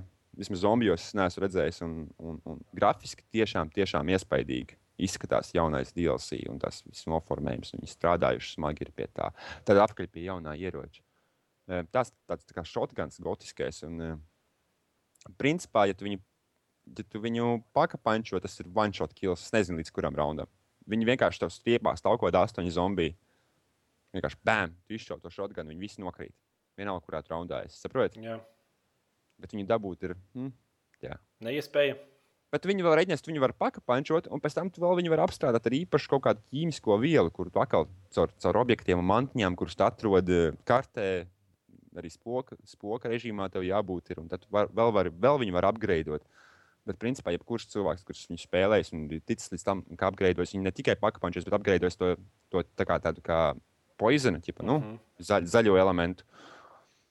Tad uh, viņi principā vārgāk paliek nostītā veidā. Tāpēc, ka tu viņus tu, no sākuma tu uzlādē, tu uzšauj zombijām virsū tādu kā, tādu kā semteks ierīci. Un tie zombiji tā kā skrien viņam virsū un beigās viņš eksplodē. Saprot? Tā kā viņi kā piesaista pārējos zombijus, kas viņam apkārt ir, ja tu viņam trāpīji. Tad viņš eksplodē un tad viņi it- kā nomirst. Bet tas, tas tikai rada vairāk problēmas, jo tas aizņem laiku, jo tur ir, tur ir dilejs pirms viņš sprākst un pirms tas viss notiekās aktīvi. Uh, ko vēl? Es nezinu. Man liekas, noformējums baigi. Tas tā kā tāds, nu, viena lieta, ok, es, es izdarīšu tā, es salikšu lietas, trīs lietas, kāpēc tev vajag nopirkt šo jauno DLC. Okay? Viena lieta ir tā, ka noformējums ir vienkārši super. Tu būsi patīkami pārsteigts par to, kā izskatās šis DLC. Šis uh, Mob of the Dead modes. Jā. Un, uh, otra lieta ir noteikti ierocis jaunais. Nu, cik mēs bieži redzam zombijos jaunus ieročus? Ar katru DLC? Nu, nezinu, nezinu, nezinu. Zombijos mēs neredzam ar katru DLC. Mēs redzējām Peacekeeperi ar mm -hmm. pirmo DLC, kas bija kā vairāk multiplayerim domāts. Un, bet šis ir vienkārši Reigans nobāl. Oho. Reigans vienkārši izmet viņu miskastē. Mhm. Ej, šaubu papīra kastes ar viņu. Jo, jo, jo šitais shotguns ir vienkārši episks. Ir vērts uz viņu censties. eh, Un, un trešā lieta, kāpēc? Tāpēc, ka ir jauns, jauns kaut kāds veids, kā spēlēt spēli klāt. Līdz šim tu nevarēji nu, kļūt, nu, būt jaunā formā, veidā, kur tev atklājās skart jauni punkti. Vienmēr bija tas starts. Ok, skrien, dabūni power, ieslēdz, un tad vienkārši reiptrini un apgraidojies. Mhm. Tagad tu jau no pirmā raundā vari nomirt un ieiet arī spoku režīmā. Jau pirmajā raundā tu vari atvērt kaut kādu vienu no, vienu no kā sauc tas cietumā, kur tev ieliek iekšā. Kamerām? Jā, vienu no kamerām tu vari atvērt un dabūt, uh, uzreiz dabūt punktus. Saproti?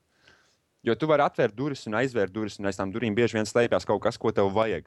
Bet, lai to izdarītu, tev jāiet tādā režīmā. Tā kā tev ir jābalansē, cik reizes raundā tu nomirsti un, un kā tu to visu izbalansēsi. Saproti? Nu, jā, bet uh, kāds prikals var ciet, viņš īsti nesaprot. Vērciet? Jā. Nē, nē, nu, tu vari viņus atvērt. Tu nevari viņus aizvērt. Tu Ā. atver vaļā durvis, tu paņem tos dubultos punktus un aizies atpakaļ uz savu ķermeni, atdzīvini, ieej atpakaļ, ok, tev ir dabūtie punkti. Un tu vari atkal nogalināt zombijas. Viņi parādās vairākās vietās. Ja tu apgūsti mapu, man liekas, baigi forši. ir. Bet apgūt mapu ir ļoti grūti, jo, jo nu, la- lai gan cik liktos viņas, nu, tie punkti dažādāk, viņi joprojām liekas diezgan vienlai- vienveidīgi. Un, un vienkārši nevar izstrādāt. Izstrādātāji, ja viņi grib uzturēt vienu tematiku tajā mapē, ja, tad neatkarīgi no tā, cik viņi mēģinās atšķirt tos punktus un tos koridorus, mēģināt atšķirīgus uztaisīt. Viņi visi vienmēr iztīsies vienādi, jo tematika ir tā pati. Saprotiet? Nu, es, es domāju, ka uz nākošo Call of Duty blakus viņiem vajag uztaisīt pilnvērtīgu spēli, kur var īstenībā iziet. Nu, kaut Jā. kādu mērķi beidzot tam visam iedot. Bet te jau tas nav horde, nu, te jau, te jau tie nav zombiji, vai ne? Un te jau tas Jā. ir, eh, te jau tas ir Dead Island. Varbūt, jā, bet nu, man bezmērķība zombijos viss- kaut kā viss, man liekas, ka tā ir viena daļa. Nu, tas var katram savs, katram ir savs viedoklis. par to, Man liekas, tā ir viena daļa no maģijas, kas ir par zombijiem. Kad, kad tev nav veigas, ka tu vienkārši cīnies, ka tev viņi nekad nebeigsies. Tu nāks un tu mēģini tik līdz tālākajam punktam, cik vien tu vari. Man liekas, tā ir viena no maģijām, kas ir par zombijiem. Atceries, ka tu sēdi, piemēram, kaut kādā pirmajā Black Opsā, tu sēdi teātrī mapē, kinodartotam vai kas viņš tāds Mhm. skaitījies. Un tu sēdi tur, un tu esi kaut kādas 5 stundas iekšā, un tev ir kaut kāds 120 rauns. Es nezinu, kurš man vienkārši es gribu vēl, es gribu lielīties par šo. Saprotiet? Tā ir viena no tām Jā. maģijām, kas spēlē. Ir.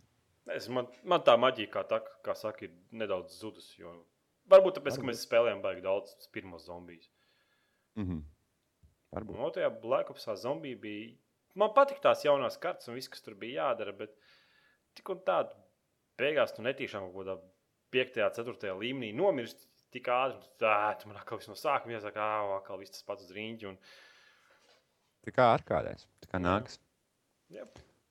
Nu, tā, to es teicu par apreizingu. Bet jaunās es, es izspēlēju tikai kaut kādās trijās mapēs. Un, uh, man patīkās tikai viena. Es mēģinu te atcerēties. Tur eh, nav par atcerēties. daudz spēlētāju režīmu kartēm. Ja? Jā, es runāju par daudz Tur spēlētāju četras kartes režīmu. Atceries, pirmajā Blackopsā bija tā mape, kur bija No. uh, vidū tornis, kur atceries, varēja uzkāpt augšā. No koka taisīts tornis. Viņa tā kā džungļos tā mape bija. Un, uh, Uh, jā, jā, zinu. Zinu, zinu. Jā, tur vēl, Zinu. tur, tur vēl tie Vidū ir viena ēka ar diviem stāviem, kur vienmēr sniperi sēdēja blakus tai ēkai. Tālāk ir maziņš tāds kā vārti, un tur vēl tāds tonis, kurā tur uzkāpt augšā. kā tren, treniņi kaut kāds tā kā Han- karēvi. Nē, tas nebija Hanojs, tas bija. Uh, labi, ok, whatever. Starpība? Tad, tad ir viena no mapēm, vienkārši retu tekstūras jaunas uzmestas virsū. Viena no vecajām ma- mapēm. Mhm. Retekstūrēt un lūdzu šeit jums. Lūdzu, jaunu mapu. bišķi eh, krāpšana tā kā tagad. n- Es, varbūt cilvēki to vēlās. Viņi vēlās. Man patīk, ka es, oh, es šo mapu zinu. Bet kā stulbi sanāk, tad es spēlēju Black Ops 1 pamuļķi. o, es to mapu zinu. Nē, nu, Bet- es saprotu, ka vecās kartes ir labas. Blackopsā ir labas kartes un sliktas kartes, bet pirmajā Blackopsā bija man liekas, diezgan daudz labas kartes. Un, bet tāda veida kartes, kas no pirmās spēles ir kaut kādā veidā jāatgriež otrajā Blackopsā pa velti vai atsevišķā pakā. Nu, piemēram, No, Legacy Jā, pakā kaut kādiem- fakti. Tur, jā, tur piecas kartes, visas vecās. Un te jau Jā. viņas nopērts atsevišķi un spēlē. Bet tā iekļaut tā kā papildinājumā vienkārši iekšā to kartu diezgan stulbi izklausās. Nu, varbūt. Jā. Bezvērtīgi tā izklausās. Jā, un tad, tad tā, kā, tad tā viena skatuves mape bija. Nu, nē. jā. Nē, es nezinu. Man tā kā tāds - jā, Jā, forši spēlē, vai ne? Jā, protams. Protams. protams. Es Xbox iemetis, Putekļos. putekļu kastē. Tāpēc, ka ir awesome. Labi, ejam pie tēmas pirmās. nu, Atklāts Gran Turismo 6. Laikam šīs nedēļas lielākā ziņa. oh. Gran Turismo 6. Jauns zinis, tur kinētiskās, kinētiskās enerģijas, fizikas, veidots kopā ar kaut kādiem tur automašīnu riepu izstrādātājiem, amortizatoru izstrādātājiem. Tur ir jā, jā, katra jaunākā spēle braukšanas veidot ar kādu no šīm. Jā, jā, jā. Nu, tas standartā. Standarts. jā, bet nu, Gran Turismo vienmēr vadība bijusi. Un Protams. tur, tur nevar nolikt, ka tā ir labāk, labākais simulators un viņš ir hardcoreīgākais. un Vienkārši es atceros, ka tur ar, vie- ar, ar vi, runa ir par vienu mašīnu. Es varēju 12, 13 stundas nospēlēt tikai ar vienu mašīnu. Mēģinot ķimerēties, pie, pielāgot viņu dažādu veidu sacensībām, dzīt pa treniņu riņķi, vienkārši lai dabūtu maksimālo uzrāvienu, maksimālo ātrumu izspiest, cik nu, vienkārši tā kā testējot, un viss tas kārtībā, kas tā viss tās pieejas tev ir. Un viss, cik tas ir interesanti un viegli pieregulējams, un ka tu vari bišķi tur pieregulēt un jau redzi rezultātu. Man liekas, tas tieši, tieši cilvēkiem patīk. Mm. Nē, es arī, es arī vienkārši hands down labākā braukšanas spēle, kāda jebkad bijusi ir Gran Turismo. Ce- Brands vispār ir pārsteidzis mani katru reizi, kad es viņam esmu pieķēries klāt ne tikai fiziski, kā mehāniskā spēle veidot, bet arī grafiski vienmēr bijis. Ir. Nu Jā, tur bija pirmā Playstation. Ieslēdz Gran Turismo. Likās, Respekt. Vespeks, man liekas, bija uz otrā. Jā. Viņš izskatījās vienkārši liels. Man liekas, vēl tagad dažas spēles Xbox netiek tam līdzi. Tā jau likās Tā kā- vienkārši acis kubā. Kāds Mhm. vispār ir iespējams? Jā, prieks, labas ziņas sev. Nu, jā, nu, vienīgi Playstation 3 versija tikai pagaidām anonsēta. Es tā saprotu, ka Būt- viņi pagaidīs. jau Ceturtais arī. Noteikti, ka būs. Nu, nevar būt, ka ne. Bet varbūt arī dēļ arhitektūras lielajām dažādībām, varbūt arī ne. Bet, nu, neredzēs. Pēdējais Alnieks raksta Colin Makrē forever. Nē. Nē, otrais bija. Labi, labi, labi, labi Rallija spēle, ko viņa makrēs otrais. Otrais, Bet, eh, bet, ja runājot par, par, par šoseju, tad Gran Turismo is the, is the game. Mm. Tur jau rallija režīms, man liekas, VSPK arī bija. Jā, bet viņš bija bijis šī izdebsēts. Sorry. Man patīk, ka viņš ir Man, diezgan. man viņš ir iebās vienkārši Rallija Pēc režīms. tam nemācīju viņu spēlēt, vai ne? Nē, es nemāku spēlēt braukšanas spēles. Edgar. Es rallija arī tīku. Man patika Gran Turismo tā spēle, ka viņi var jebkurai, kā saka, auditorijai piesaistīties. Man, es, kad Skotijā dzīvoju, es nopirku to vispeku un ceturto daļu. Tad mēs gājām vienkārši pie poļu drauga, kuram kaut kāda 37 gadi, kurš video spēles vispār nespēlē. Viņam lielāku prieku nevajadzēja kā padzināt Gran Turismo. Mm -hmm. Jā, autori diezgan Nu, Dažādi ir. Jā. Jā, EA Games atgrūž VU platformu. Ko tu ar to gribi teikt? Viņi, Edgar? viņi sākumā teica, ka uz VU būs Frostbite 2 dzins. Tagad viņi pateica, ka nebūs Frostbite 2 dzins. Tad viņi beigās pateica, ka viņi vispār vairs netaisīs VU spēles kā tādas. Un tā vēl ik pa brīdim atskan kāds jauns raksts, kur Twitterī EA Games, EA Games izstrādātāji kaut kāds darbinieki ik pa laikam vēl no, noreļ VU kā tādu platformu. Un lasīju pēdējās baumas, kad pagājušajā mēnesī ir pārdotas 50,000 konsoles visā pasaulē mēneša laikā. 50,000 konsoles. Tas ir vispār smieklīgi. Vienkārši Nintendo. Klausies manī, Nintendo. Mm -hmm. Ej mājās. Ej mājās. Viss. I think party is over for you. Mm. Nē, man gribētu, es gribētu to zombiju spēli uz VU pamēģināt. Bet tā kā es turēju to kontrolieri rokās un es tur pa ekrānu pabakstījos un paskatījos, cik viss lēni darbojās un cik viss tas, tas tāds neiedzīgi. Es nezinu, kam tā, kam tā konsole ir domāta. Mm -hmm. Un tas ekrāns, man liekas, ar nevienu nepiesaista, ne kontrolieri. Tas nav tas wow efekts. Tas tieši No, otrādi. no, no, no. Tieši otrādi tu viņu paņem rokās un tu īsti, va, mm, kāpēc? Vai tas Vai? tiešām ir tik vajadzīgs? Yep. Tā arī bija. Mm -hmm. Mm -hmm. Labi. Nu. Nvidia Shield gaidāms jūnijā par 350 dolāriem. Normāls cena priekš televizoru.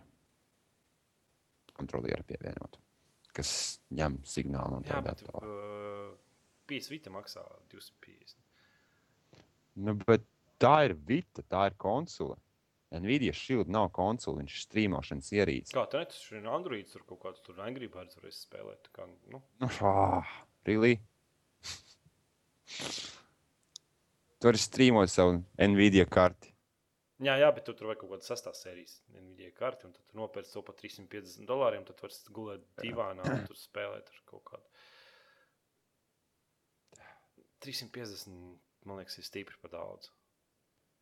Mēs varētu izdarīt tā, mēs varētu aprēķināt, cik reāli izmaksātu nopirkt ierīces, kur tu vari strīmot savu datoru caur kaut kādu lokālo lanu. Nu, ē, Un tad kontrolieri pievienot viņam klātiem. Es viņu klēpīju un spēlēju ar Xbox kontrolieri.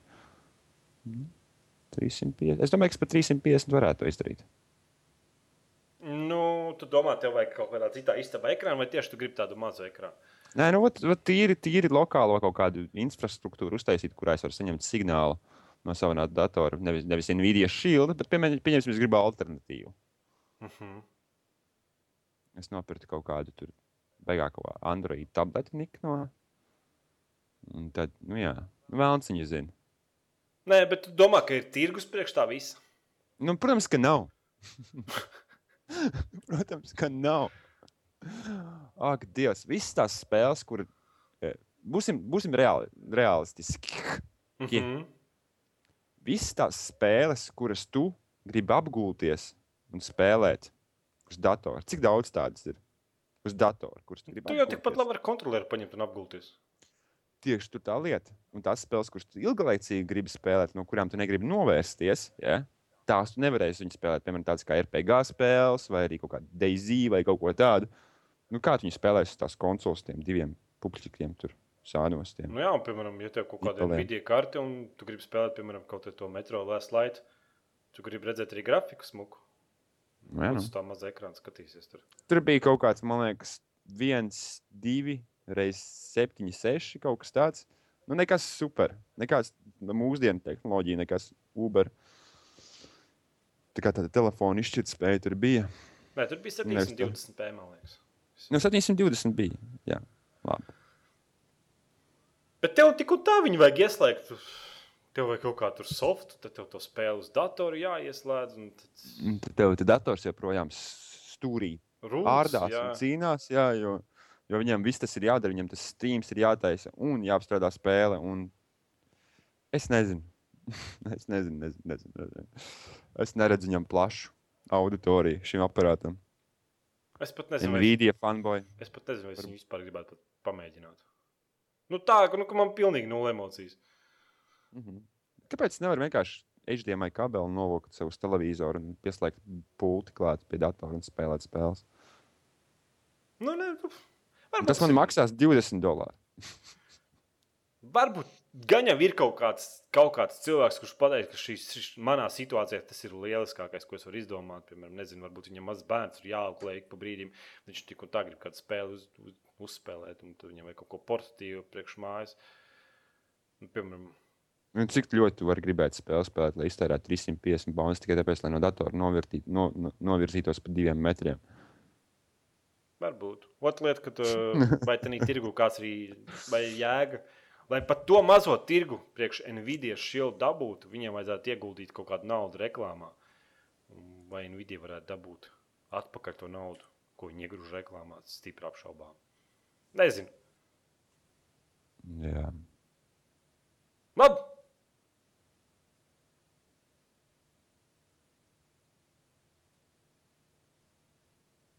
Jā. Okay. Es lasīju arī to pašu komentāru.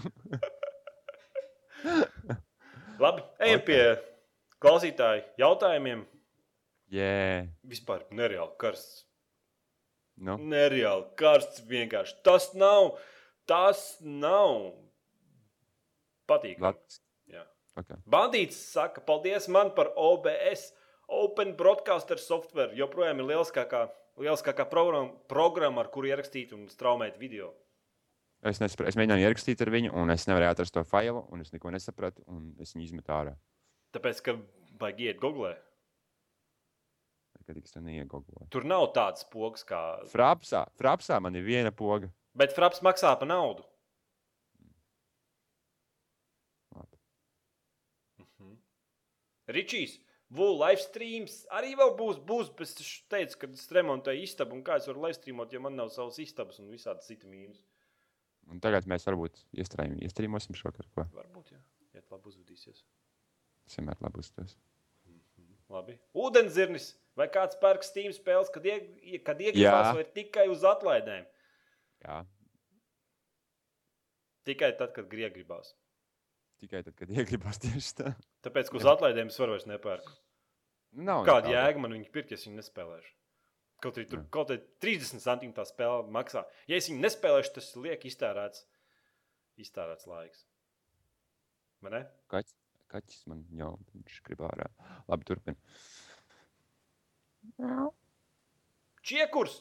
Jūs prāt, trīs nenovērtētākās un trīs pārvērtētākās spēles? Trīs nenovērtētākās? Jā. Es sāku to vai? Trīs nenovērtētākās. Jā. Būs Crisis 2,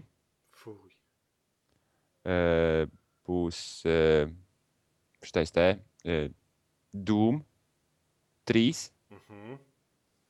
Un e, es domāju, ka viņi vajadzēja iegūt daudz vairāk. Es ne- neredzu, kāpēc cilvēki nav Legacy par Doom 3. Viņi ir par Legacy par kaut kādu bļāvienu Wolfensteinu, bet nu labi, ok. Un e, nenovērta spēle. Diablo 3. Jūs esat visi vienkārši kretīni. Kāpēc? Ka jūs, ka jūs, ka jūs nesakāt, ka Diablo 3 ir awesome. Bet tas ir tikai es. Mm. Pārvērtētākās spēles. Jā. Es domāju, ka pārvērtēts Daisy mods par 610%. Es nezinu, vai tā ir spēle, bet mods pats par sevi ir pārvērtēts. Uh, viens RPG, par kurus nesen skatījos, un es vienkārši šausminājos. Mhm. Pēc, pēc man atmiņas uh, šobrīd. Nē, es nezinu. Sims, Vai to vispār kāds spēlē? Sims, Sims turistu paka. Sims turistu paka. Gan jau, ka ir tāda. Tādu piķi viņi pelna. Vienkārši smieklīgi. Vienkārši arī- smieklīgi. Jā. Jā. Nu, es nezinu. Tev ir kaut kāds. Nu, reku trīs nenovērtākākās no manīm. Pirmā ir Stalker Shadow Chernobyl. Vispār tā Stalker sērija kā tāda, man liekas, ir lieliska. netiek novērtēta vispār nekādīgi. Otrā spēle ir Ultima Online. Kaut arī ļoti, ļoti veca spēle. Neviens viņu neatcerās, kas vienkārši ir trausls. Kā var neatcerēties karali? Pirmo masīvu multiplayer online RPG, kas savā features joprojām pārspēja jebkuru masīvu multiplayer online RPG spēli. Mhm. Tā kā mazs ceļš vienkārši. Un neviens viņu vienkārši neatcerās. Neviens! Mhm. Vajadzētu kādu nodot par to. Vienkārši. Jep. Vienkārši man tracina ārā. Un man liekas, Ir trešā, vēl kaut kas. trešā nenovērtētākā spēļu sērija ir. Ak, Dievs, aizmirst to vārdu. Playstation 3 ekskluzīvais šūteris. Killzone. Killzones, jā. Man nereāli patīk viss tā sērija. Es nesaprotu, kāpēc viņi cilvēki nenovērtē viņu un kāpēc viņi netiek tā kā. Viņi ir populāri, man liekas, viņi ir mēdījos kaut ko tā kā Playstation 3 ekskluzīvais saturs, bet tad, kad runa iet par šūteriem, neviens neatcerās, ka uz Playstation 2 tā spēle izskatījās vienkārši Killzones, laikam, divi vai pirmais. Vienkārši izskatījās kundzīgi. Tādi mm. efekti nevien, nevienā citā spēlē, man liekas, nav redzēti. Un trīs pārvērtētākās spēles. Pirmā ir Halo sērija. Es nesaprotu, kas, ko, cilvēki, ko viņi vispār tajā spēlē atrod. Tā spēle ir tik garlaicīga. Mhm. Es, protams, viņi trīs pārvērtētākas. Nē, tu, nē, turpini, turpini. Jā? turpin. Mhm. Assassin's Creed. Jā, tur Vienkārši vēl viena spēle, pie kuras esmu aizmirsis. Kaut arī pēdējā bija diezgan laba, bet es nesaprotu, ko cilvēki par viņu tādu šausmu un kāpēc viņi tik daudz kopijas pārdod. Es vienkārši, vienkārši nesaprotu. Man nav ne jausmas. Mhm. Mhm. Un trešais, es tik, tikko biju ies- iedomājies. Un es aizmirsu. Labi. Tas vienkārši skumji no maniem. Man liekas, okay. Half-Life 3 varētu būt pārvērtākākā spēle. Jo man kaut kā sāk tracināt, ka visi kā iedzird Half-Life 3 tā čurā biksītēs, bet spēle pat vēl nav izdota. Un, Viņi nebūs nemaz. un es Labi, ok. nesaprotu, par ko cilvēki tur, tur jūsmā. Ok, ok. ok, okay. Jā, Virzamies jā. priekš, trauks. Jā, jā. Kāds ir jūsu domas par video spēlēm uz planšetdatoriem? Tev ir planšetdators. Spēlē video spēles uz savas planšetes. Eh, Tu domā uz manas tabletes? Tā tablets. Un tā planšeta tableta kāda starpība? Viss vienādi. Ekrāns. Es spēlēju, es spēlēju tādas mazas Android spēles. Man patīkās, jā. Nu, cik ilgi tev patīkās?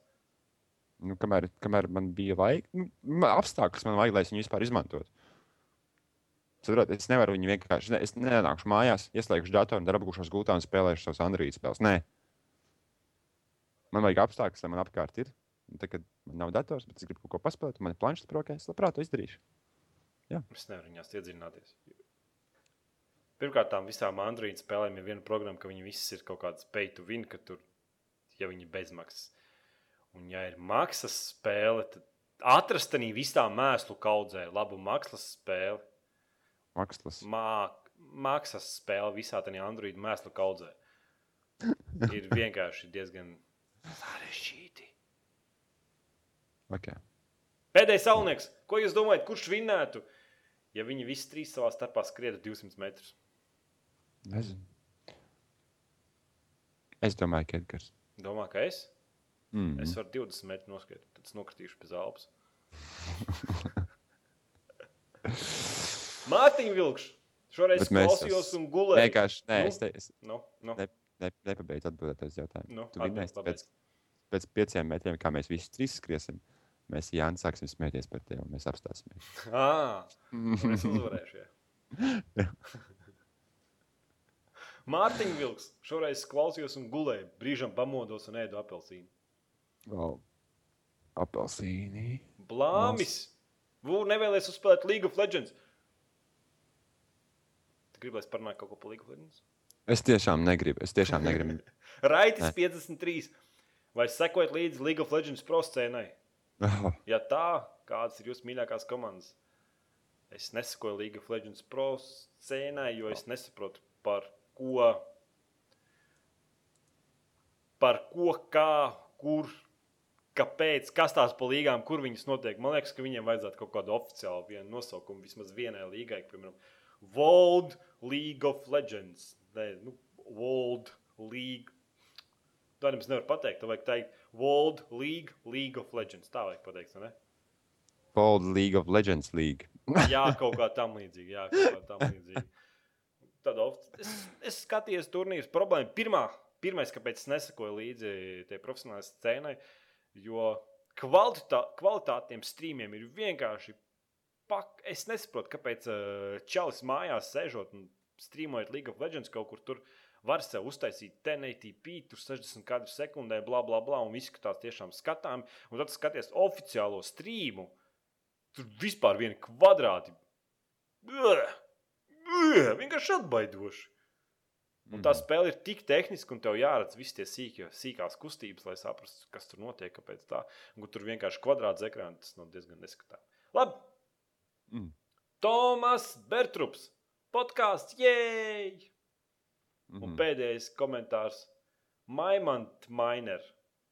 Maimant Miner. Mhm. I'm on shrooms. Wow, good for you.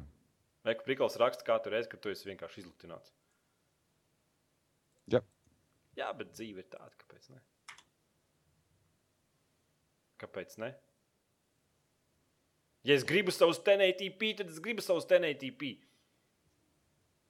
Eku trojietis prasa, ko domājat par Don't Starve. Tas spēlēs. Tev, kāpēc tu nespēlēji Don't Starve? Es nesaprotu īsti. Taču es šis Minecraftists, kā Minecraftists, kam patīk iet un klapēt kociņus un vākt kaut ko un mēģināt izdzīvot. Mhm. Ko? Nezinu, kaut kas man nesaista. Tev tas grafiskais stils tālu. nepatīk. Laikam. Labi, tad arī viss. Tad arī viss. Jā, vai garais podkāsts. Bija garais podkāsts. Es, pilnīgi, es, es sāku beigās pilnīgi nogurt. Nogurs, ne karsts baigi ir. Nē, man vienkārši. Zini, kā man jau vēl rīts ir. Es tā kā gribu vēl kafiju iedzert. Cik tev ir pūkstens? Man šobrīd ir 11,51. Man pat 12. Man tikai tagad sākās rīts. Mhm. Jā, un kaķis grib laukā. Viņam arī sākās rīts. Labi, tad visiem ir tā. Davai, davai. Tā. Nelasīs saudars krūli. Nē, kāda starpība, neviens tās pogas nespiež. Tā, tā. Tā.